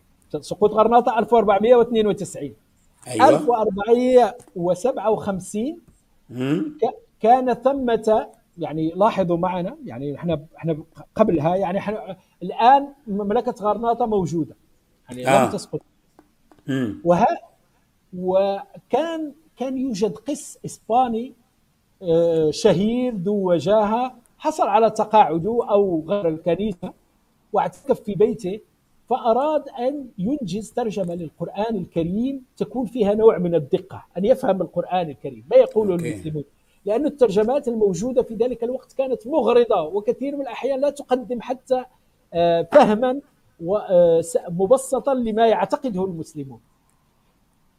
ولهذه المهمة انتدب أحد أكبر علماء آه، هذه الفترة ويسمى عيسى بن جابر. عيسى بن جابر مهم جدا لأن لأنه إضافة إلى ترجمته للقرآن الكريم فكلفه بالترجمة وقد تمت في جنوب فرنسا لم يقم بها في إسبانيا. انتقل إلى جنوب فرنسا وأعدها في ثلاثة أشهر وسلمه نسخة وأحضر معه نسخة إلى إسبانيا. وأدى له وأدى له أتعابه. يعني أنه كان كان استأجره وقام بهذا العمل. وعيسى بن جابر كان من أكبر مشايخ مدينة شيقوبيا وهي من مدينة قريبة من مدريد أيضا مدينة صغيرة حلة صغيرة. ولديه كتاب مهم جدا يسمى مختصر السنة بريبياريو سني كتبه باللغة الإسبانية كأن فيه تلخيصا للسنة للأجيال الصاعدة لكي يتعرفوا على أساسيات دينهم. يعني كأنه يعني هذا ماذا سماه ابن رشد هذا؟ نهاية المقتصد. كأنه كأنه نهاية المقتصد وبداية المجتهد. يعني أنه قام بكتابة كتاب موجز وإضافة إليه كتب هذه الترجمة. والترجمة مفقودة. ما لدينا فقط هي مقدمة خوان دي سيغوبيا الذي هو القسياه الذي قلنا اللي هو متعهد الترجمة يتحدث فيها عن ظروفها. لأنه هذا ما نعرفه أنه كلم الشيخ الفقيه عيسى بن جابر أنه حضر إلى الجنوب وكتبها وكذا. فقط لدينا هذه المقدمة إذا هذه الترجمة المفقودة هي ترجمة القس إيادة بس آه مش مش الترجمة بتاعتنا آه. لكن لكن لا توجد فرضية أخرى لكتاب معروف يمكن أن يمثل هذه الترجمة التي خ... التي نسخها هذا الرجل. يعني مم. هذه هي الفرضية الأقرب، لكن ما يشكل عليها هو البعد الزمني، كيف أن ترجمة اختفت 150 سنة وبعد ذلك تظهر. يعني تظهر في شكل نسخة. هذه هذه هذه شيء عجيب. ثم إن الترجمة مفقودة يعني لا يمكن أن تقارنها وأن تعرف، يعني لحد الآن ترجمة عيسى بن جابر هي ترجمة موجود فقط الإشارة إليها ومقدمة خوان دي سيغوفيا نعم. فهي فهي النص الأقرب وإلا فلا يوجد شيء من هذا القبيل. ما نعرفه عن الترجمة عموما أنه أن أنها ترجمة آه، عملية إلى حد كبير. لا يغلب عليها طابع التأمل الفلسفي يعني الترجمة كانت حرفية بشكل كبير آه، ممكن ان أن نقول أن أغراضها كانت أغراض تعليمية بشكل كبير، يعني أنه لكي يتداولها الناس. يعني ترجمة لكي نمكن الناس أن يعرفوا مضمون القرآن الكريم، هذا بكده. يعني هذه هذه كانت ما يمكن أن يفسر هذا. ويمكن أن يفسره أيضا الضغط الكبير الذي كانوا يتعرضون عليه، يعني الرجل ربما كان يخشى على حياته، لذلك طبعا لم لم يقم بالعمل بأحياء لكي لكي لكي يكتب في الترجمة ويقدم لها ويشرح وكذا. كثير من الاحيان فهذا الأمر مهم جدا. آه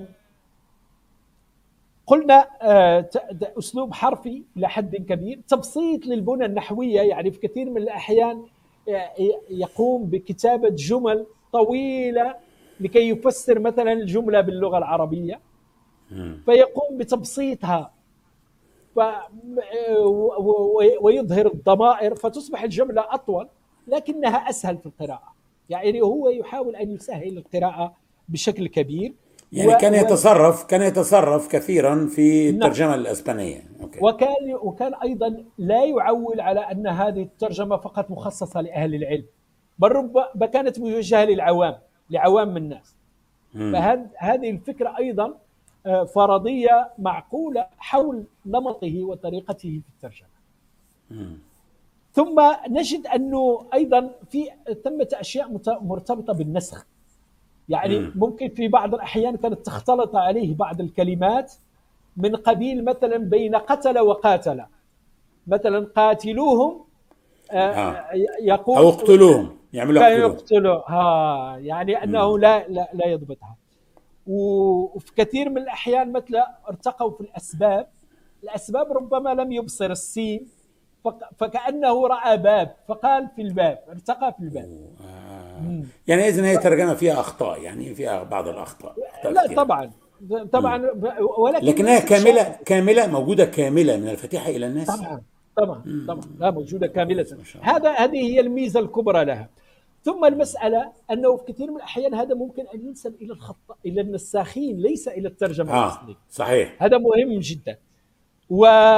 ولكن مثلا تجد أنه يعني لما نقل الترجمة كان يحرص على وضع الهوامش بشكل بخط مختلف لو رأيت في الصفحة تجد بعض م. الكلمات مكتوبة بالخط بالأحمر مثلا م. وتجد على الهوامش تجد على الهوامش بعض الأشياء أيضا مكتوب تجد هامش لكن هو على فكره على فكرة الكثير من المخطوطات القديمة كده كانت. ال هو عبارة عن كلمة مكتوبة بالأحمر مثلا.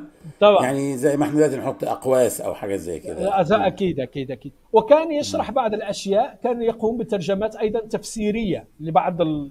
لما ي... تكون كلمة إشكالية وكذا فهو ممكن أن يترجمها في جملة معينة. هل هذه هل هذه اللغة هي اللغة الإسبانية الحالية ولا دي الرومانسية ولا إيه لا الرومان الرومانسية. يعني كثير طبعا نفس البنية لكن كثير من الكلمات لا تستخدم كثير من من الطرق النحوية. يعني هي لما كانت لما لما كنت أطلع على الدراسة التي تمت كانوا يضعون الترجمة بالإسبانية المعاصرة ويقابلونها بالترجمة بالإسبانية القديمة. فقط لكي يفهم القراء الفرق الرومانسية هي الإسبانية القديمة. هي إسبانية القديمة اللي كانت في ذلك الوقت في مرحلة التشكل يعني آه. قريبا من اللاتينية يعني مثلا. طبعا. هي هي هي لاتينية دارجة. فتم تقعيد لها. أول نحو للإسبانية كان شهير جدا. آه و... وعلى فكرة صاحبه موريسكي وصدر في 1555 أو شيء من هذا القبيل. يعني وكان مهم كان حتى اعتبروه حدثا في إسبانيا لأنه كان يقعد للغة الإسبانية. يعني هي أول وثيقة كانت تقعدها نحو اللغة الإسبانية. واو. لا, لا يحضرني اسمه. بعدين أبعث لك إياه وشهير في إسبانيا على كل حال. أنا عايز أقول وأصوله- ان إن يبدو يبدو إن المسلمين الإسبان كانوا مهتمين باللسانيات. وباللغة إلى درجة إنهم أثروا على اليهود فاليهود اقتبسوا من اللغة العربية أشياء مثل التشكيل الفتحة والضمة وهذا ما كان موجودا قبل ذلك في اللغة العبرية وأدخله موسى ابن ميمون اللي هو معروف باسم ميمونيدس أو أو موشي ابن ميمون. إلى اللغة العبرية تأثرا بال... لأنه كان كان rabbi في أسبانيا أصلا. طبعاً، ثم طبعاً. يعني مشي مع المسلمين لما مشيوا. آه، طبعا واستقر بالأمر في بص... في بلاط صلاح الدين الأيوبي. صلاح وكان الدين طبيبا له ولأبيه. كان كان طبيبا له ولأبيه. طبعا. آه. ولكن عموما فقط لكي أقول شيئا عن عن العلم والعلماء في الأندلس.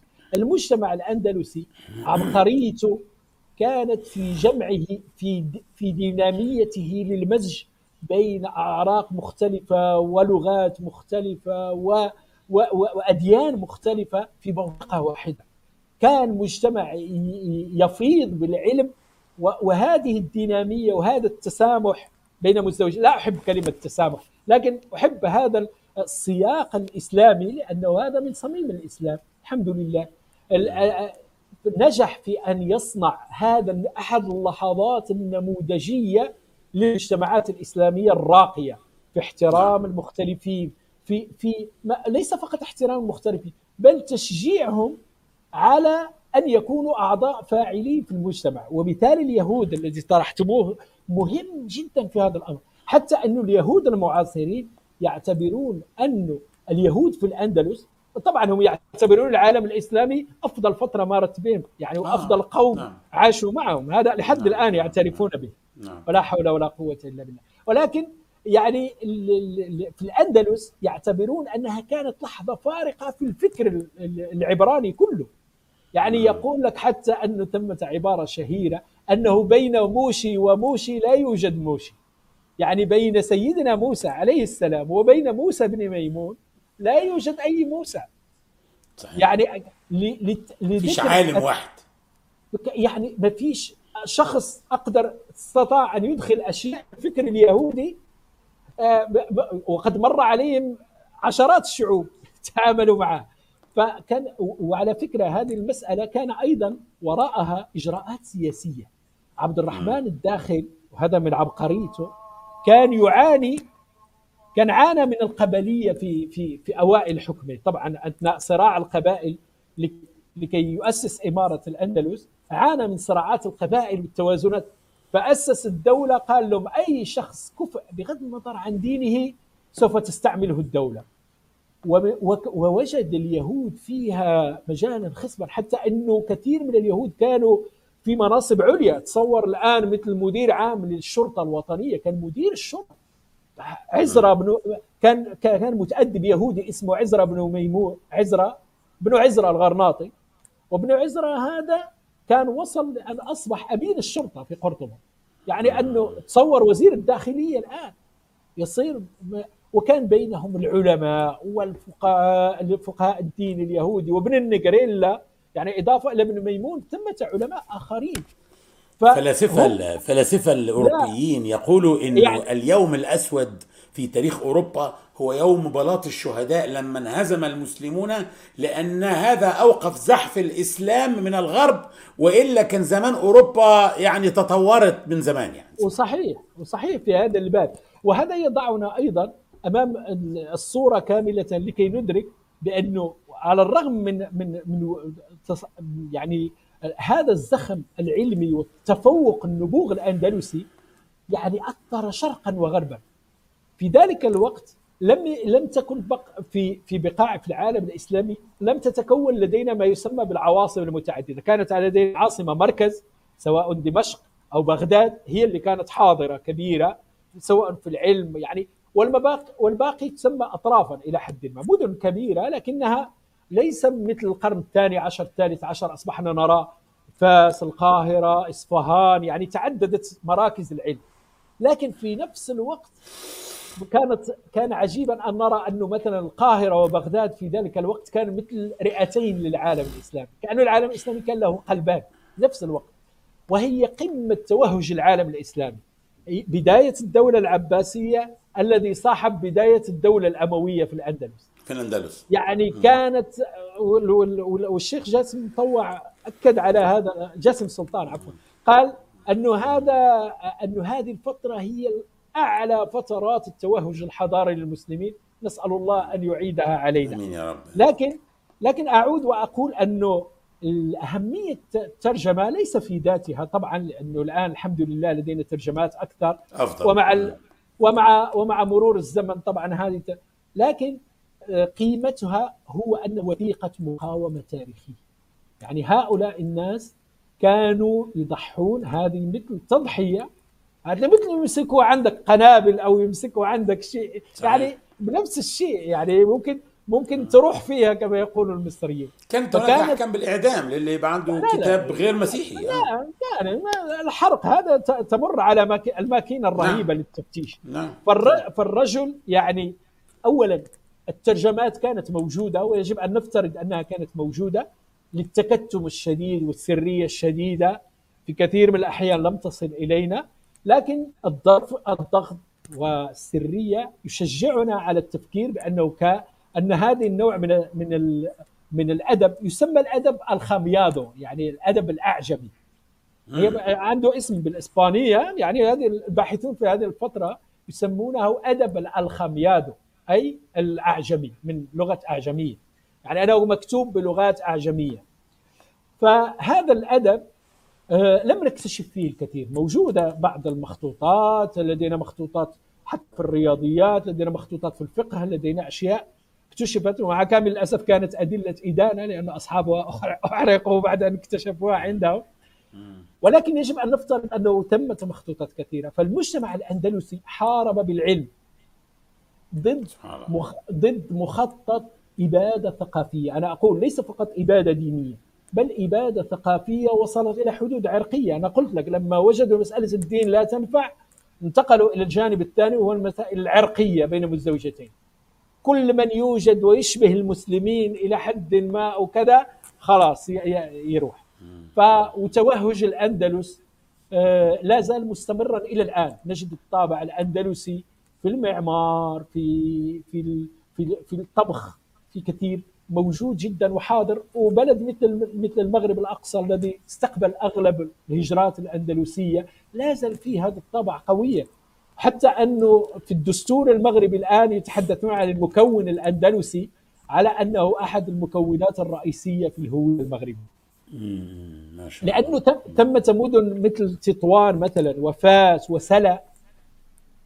التي تعتبر يعني كل ما تدخل إليها تجد حتى تجد أسماء المدن أسماء ال- ال- الشوارع يعني في كثير من الأحيان تندهش أنك لما تجد أسماء عائلات أوروبية لأنه كثير ممن نزحوا بعد سقوط غرناطه كانوا كان غيروا أسماءهم العائلية فتجد مثلا. طوريس وتجد مولينا وتجد ديميا وتجد كثير من الأسماء اللي هي يتس... أسماء عائلية في إسبانيا حاليا. ف... ف... فطبعا هذه هي قيمة هذا المترجم وأردنا أن نقدم تكريما له ولكل الأشخاص الذين كانوا يضحون بحياتهم آه، من أجل أن يحافظوا على الهوية الدينية آه، ل- لمجتمع كان يشهد ضغط كبير جدا وتعرض لظروف ومآسي ومأساة كبيرة جدا. طيب تأثير كانت- البيئة. معلش قبل قبل ما نقفل عشان خاطر مهم بالنسبة نعم. للترجمة تأثير البيئة عليها إيه؟ هل في؟ مفردات معينه مفردات معينة تم تبيئتها؟ يعني ال ال ال يعني في في القرآن؟ صحيح. آه، دينار بعض حاجة كده. آه مثلا صحيح. آه تم تبيئة بعض المفردات لتجد مثلا مثلا الدينار. والدينار كما نعلم في ذلك مم. الوقت يعني أثناء نزول طبعا هذا هذا اللي تحدثنا هذا أول دينار آه، سكه المسلمون في شبه الجزيرة. وتظهر شبه, الجزيرة يعني شبه الجزيرة الإيبيرية. شبه الجزيرة الناس عندنا تفهمها السعودية. لا لا لا شبه آه، الجزيرة الإيبيرية. بالظبط. تمام. ففي وعلى فكرة تظهر فيه كلمة هيسبانيا. آه، قال لك تظهر في كلمة هيسبانيا هي تحت هيسبانان. اسبانا آه، okay. آه، okay. فهيسبانيا على فكرة هي اللفظ الذي أطلقه آه، الرومان يعني الامبراطوريه الرومانية الغربية لما لما كانوا اجتاحوا إسبانيا بب- بداية الألف- ال- الأولى. وكانت تسمى إسبانيا كان معناها أرض الأرانب. لأنه الظاهر إنه كان في أرانب كثير فيها برية. فكانوا يسموها أرض الأرانب أي إسبانيا. ومع مرور الوقت حولت الكلمة إلى كلمة اسبانيا وهي مكتوبة أيضا بالعربية كما كما ترون. فهو كان ترجم مصطلح دينار ب doblas و doblas doblas. هذه آه doblas جمع dobla. هو doblas بي بال بال هو جمع يعني مثل آه. فلوس يعني نقود يعني لي- ليس ليس نقدا واحدا. ف و dobla كانت كانت عملة سائدة في ذلك الوقت. و ومثلا حتى ترجمة أعربي أو أعجمي. أعجمي ترجمها بال romance ال romance يعني هو الأعجمي عند المسلمين في ذلك الوقت عند المسلمين في الاندلس. لأن الرومانثي كانت اللغة الإسبانية. آه. فهذا بعض الأنواع من أنواع تصرفه ولكن أنا بصراحة لا, لا كنت لا أحاكمه بين مزدوجتين لست شديدا معه في هذه الأمور لأني أعتقد أن هذه الترجمة كانت ترجمة بلاغية. أكثر من انه تأمل فكري خليني بس. أوضح أوضح للمشاهدين حضرتك طبعا. إن حضرتك تقصد إن مثلا الآية في آل عمران ومنهم من إن تأمنه بدينار لا يؤديه إليك فالراجل وهو بيترجم للأسباني كلمة آه. دينار هناك في الوقت ده كان بقى عندهم حاجة اسمها الدوبلس فقال نعم. زي ما قالوا مثلا في مصر مثلا إيه ومنهم من إن تأمنه بجنيه بدل. ما يكتب دينار كتب جنيه. ليه؟ عشان هو الهدف عنده مش ترجمة دقيقة جدا للقرآن بقدر ما الهدف عنده هو الحفاظ على الفهم الإسلامي وال- وفهم الكتاب في الثقافة الموجودة اللي بتخفي الإسلام لسه. فمش طبعا. عايز أي إبهام. هو يريد يعني أن ترجمة يبين- تفسيرية تفسيرية. وت- وتبليغية لعوام الناس للاستخدام ال- اليومي. أنه نعم. كان في ذلك الوقت يعتبر كأنه جهد المقل كأنه آه، وصلنا إلى حد ال- الحد الأدنى. نريد أن نوصل بالحد الأدنى للناس لكي تفهم. يعني كانت كانت مقاومة يعني ثقافية في هذا الباب مهمه طيب أنا أنا راجل أنا أنا أنا يعني اشتغلت أربع سنوات على ترجمة القرآن الكريم مع يعني الدكتورة هالة وأعلم جيدا إني دائما كنت أتوقف في المعاني لأن هو ترجمة القرآن هو نوع من التفسير. فلازم كنت أطلع على التفاسير وكان عندي تفاسير معينة مفضلة عشان هي دي اللي طبقا لفهمي آه، آه، قمت بالترجمة. هو كان إيه التفاسير المؤثرة عليه في الترجمة؟ طيب مهم جدا من خلال الدلائل النصية التي استخدمها الباحثون في تحليل الترجمة آه، يلاحظ أنه اعتمد آه، مجموعة من التفاسير الشائعة في ذلك الوقت.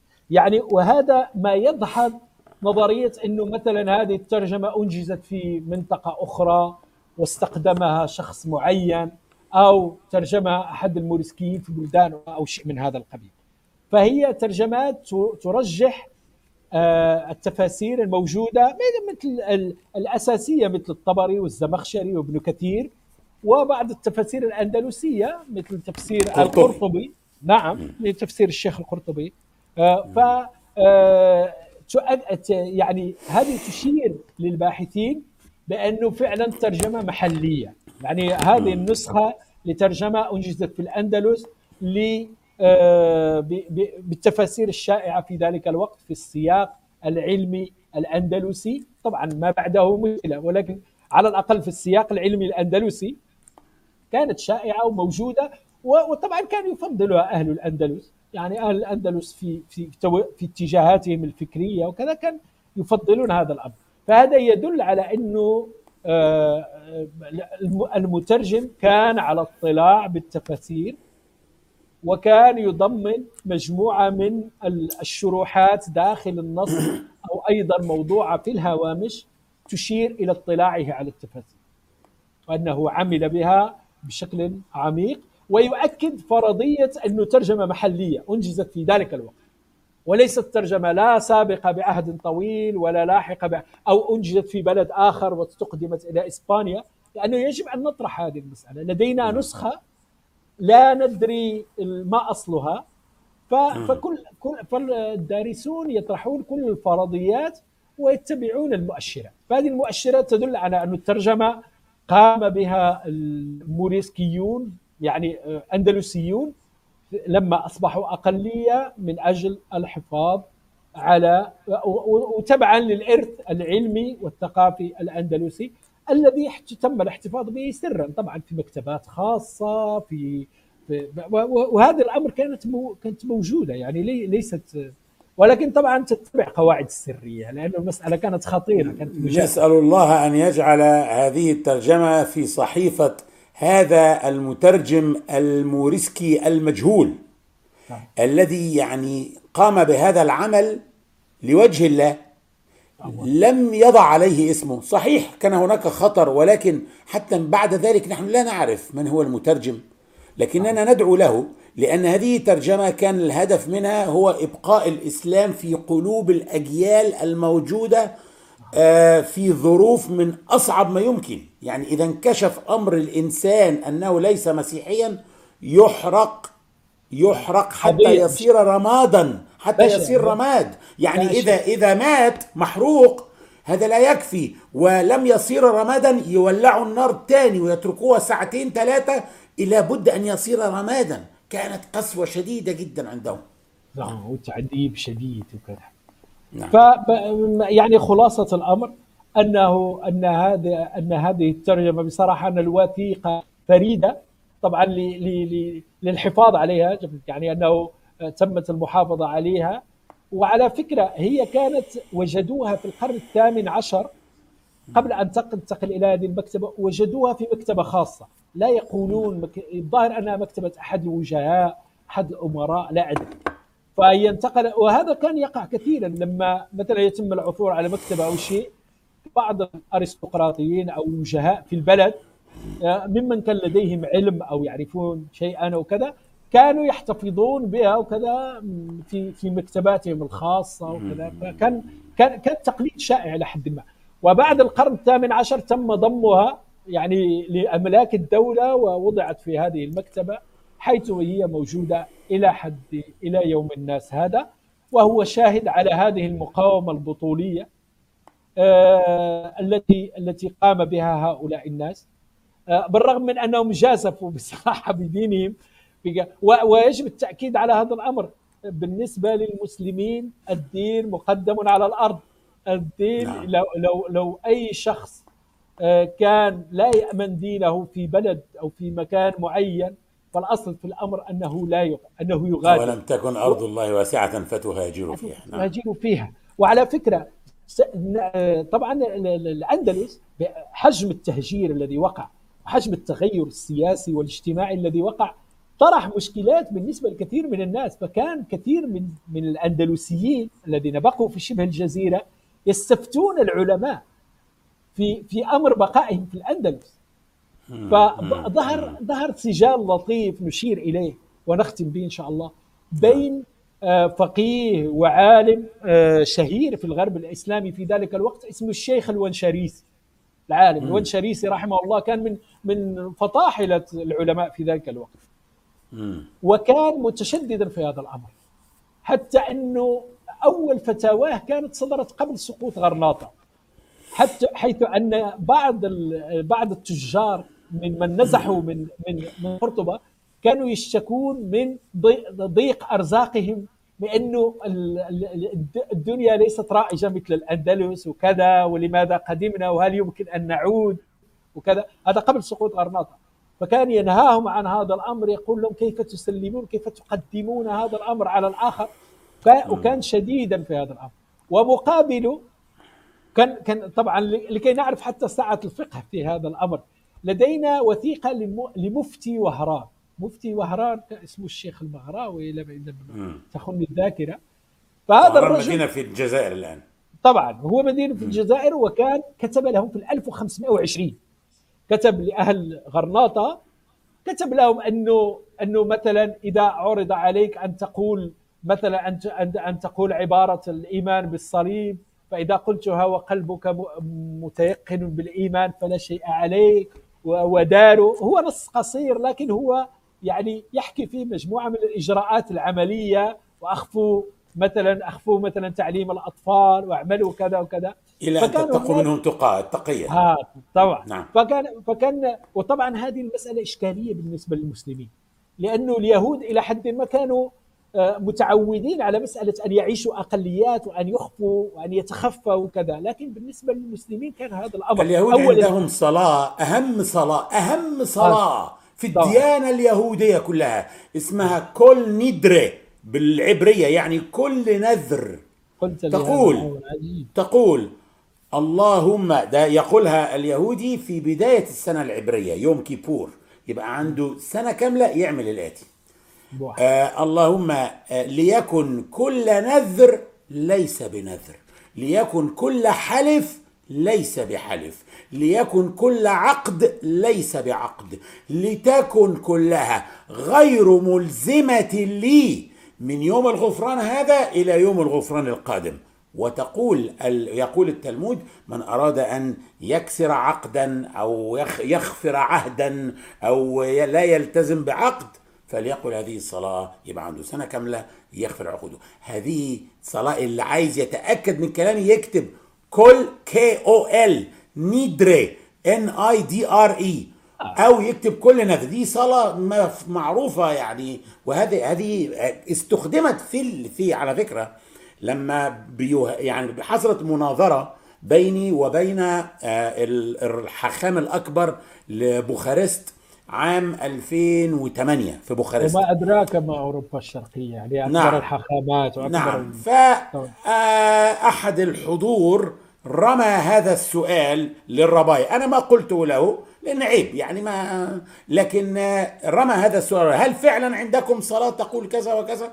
فالجمهور كله نظر له يعني إيه إيه الحقارة دي؟ ليه بتتكلم كده وأنت بتثير المشاكل؟ طبعا استحالة يكون في صلاة زي كده. ففوجئ الجميع بالربايا يقول هذه هي أهم صلاة عندنا في الديانة اليهودية. ولكن أنتم لا تفهمون لا تفهمون. الإنسان اليهودي هو أكثر إنسان ممكن تثق فيه. لكن هذه الصلاة نحن لا نستخدمها مع الإنسان وإنما نستخدمها مع الله. كيف؟ قال لك يعني لو واحد نظر إنه مثلا لو نجح في امتحان هيصوم ست شهور متتالية ثم نجح في الامتحان. ما يقدرش يصوم ست شهور. لو هو قال هذه الصلاة في بداية السنة يقدر يخسر عهده مع الله. فهنا بقى أنا أوقفت. قلت بعد إذنك معلش. أنا معلوماتي إنكم استخدمتوا هذه الصلاة في إفتاء اليهود في بعد الريكونكيستا في في في إسبانيا ها بعد. إلى استخدامها عشان يظهروا النصرانية ويضمروا اليهودية. وأنا ليس عندي مشكلة في ذلك لأن دي عندنا اسمها التقية. أنت أنت, أنت بتتقي شر عدوك للحفاظ على دينك ولكن أنتوا كده استخدمتوها مع الإنسان مش مع الله. يبقى ممكن تستخدموها مع الإنسان. فهمتني؟ طيب لا و... يعني كمل بقى اللي عندك إحنا أعتقد أنه دخلنا في ساعتين إلا ربع إحنا دلوقتي.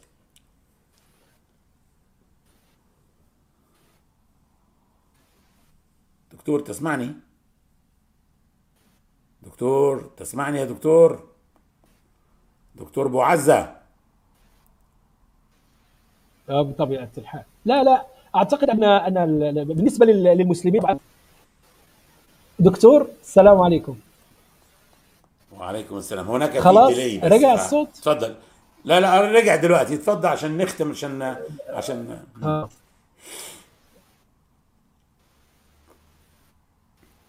ممتاز.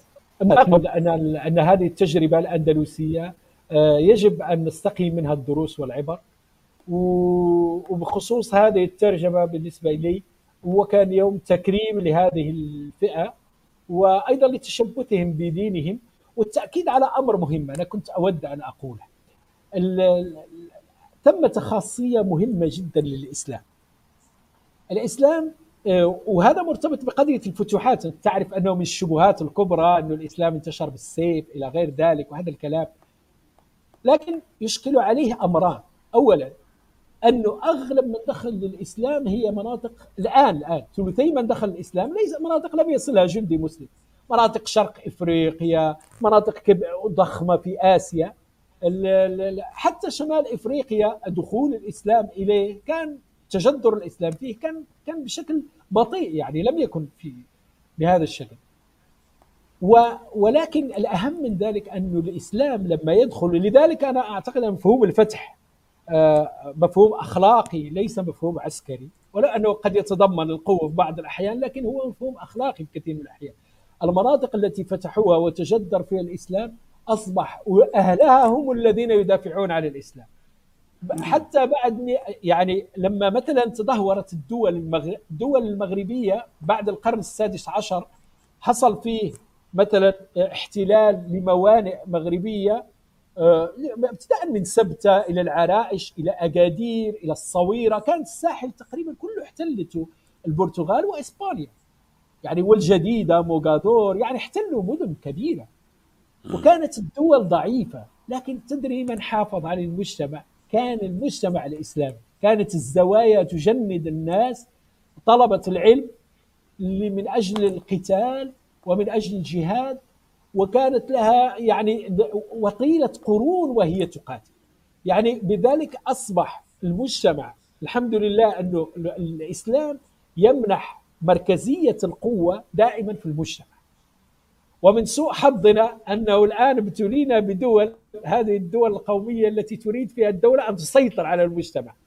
نعم. وتسلب وتسلبه كل عناصر قوته. وأعتقد هذا من أكبر الخلل الذي يصادف المجتمعات الإسلامية. ونحن نجد الآن في هذه الأزمة وهذا الابتلاء الكبير لإخواننا في غزة نجد كيف أن المجتمعات تنهض وتحس بطاقة عاطفية كبيرة ولا يشك فيها أحد. لكن تجد أنه الدول لا تساير هذا الأمر الأنظمة لا تساير هذا الأمر. يعني لو لو كان الأمر لو تصورنا أنه كانت القوة الاجتماعية في قلب هذه المجتمعات لكان كلام آخر. فنسأل الله ان ان ان يعفو عنا.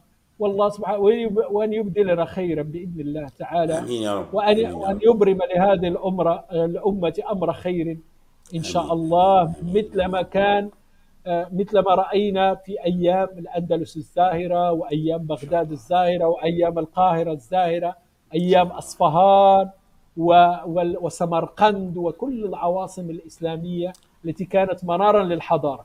والحمد لله أن هذا الدين هو دين رحمة. نحن ندعو إلى هذا الدين يعني ندعو بالرحمة للعالمين إن شاء الله. جزاكم الله خير.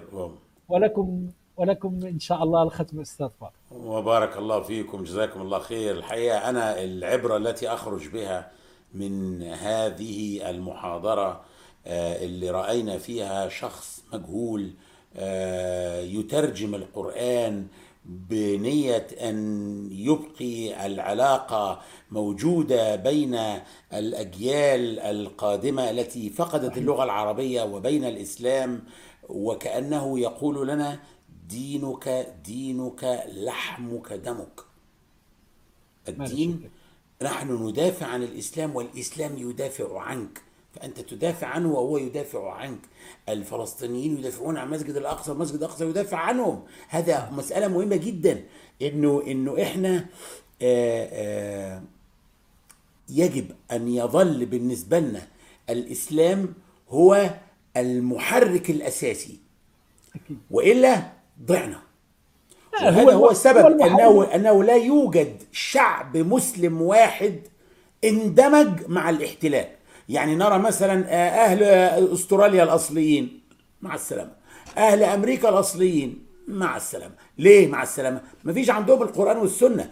أما وجود القرآن والسنة عندنا هو المحرك الذي يجعلنا نعلم أنه أنت إذا كان الصراع في أمر يخصك شخصيا تستطيع أن تتنازل. أما إذا كان الصراع صراع على الدين إذا كان الصراع ضد الإسلام فليس من حق المسلم أن يستسلم. وهذا هو سبب دفع الاحتلال باستمرار من الدول الإسلامية.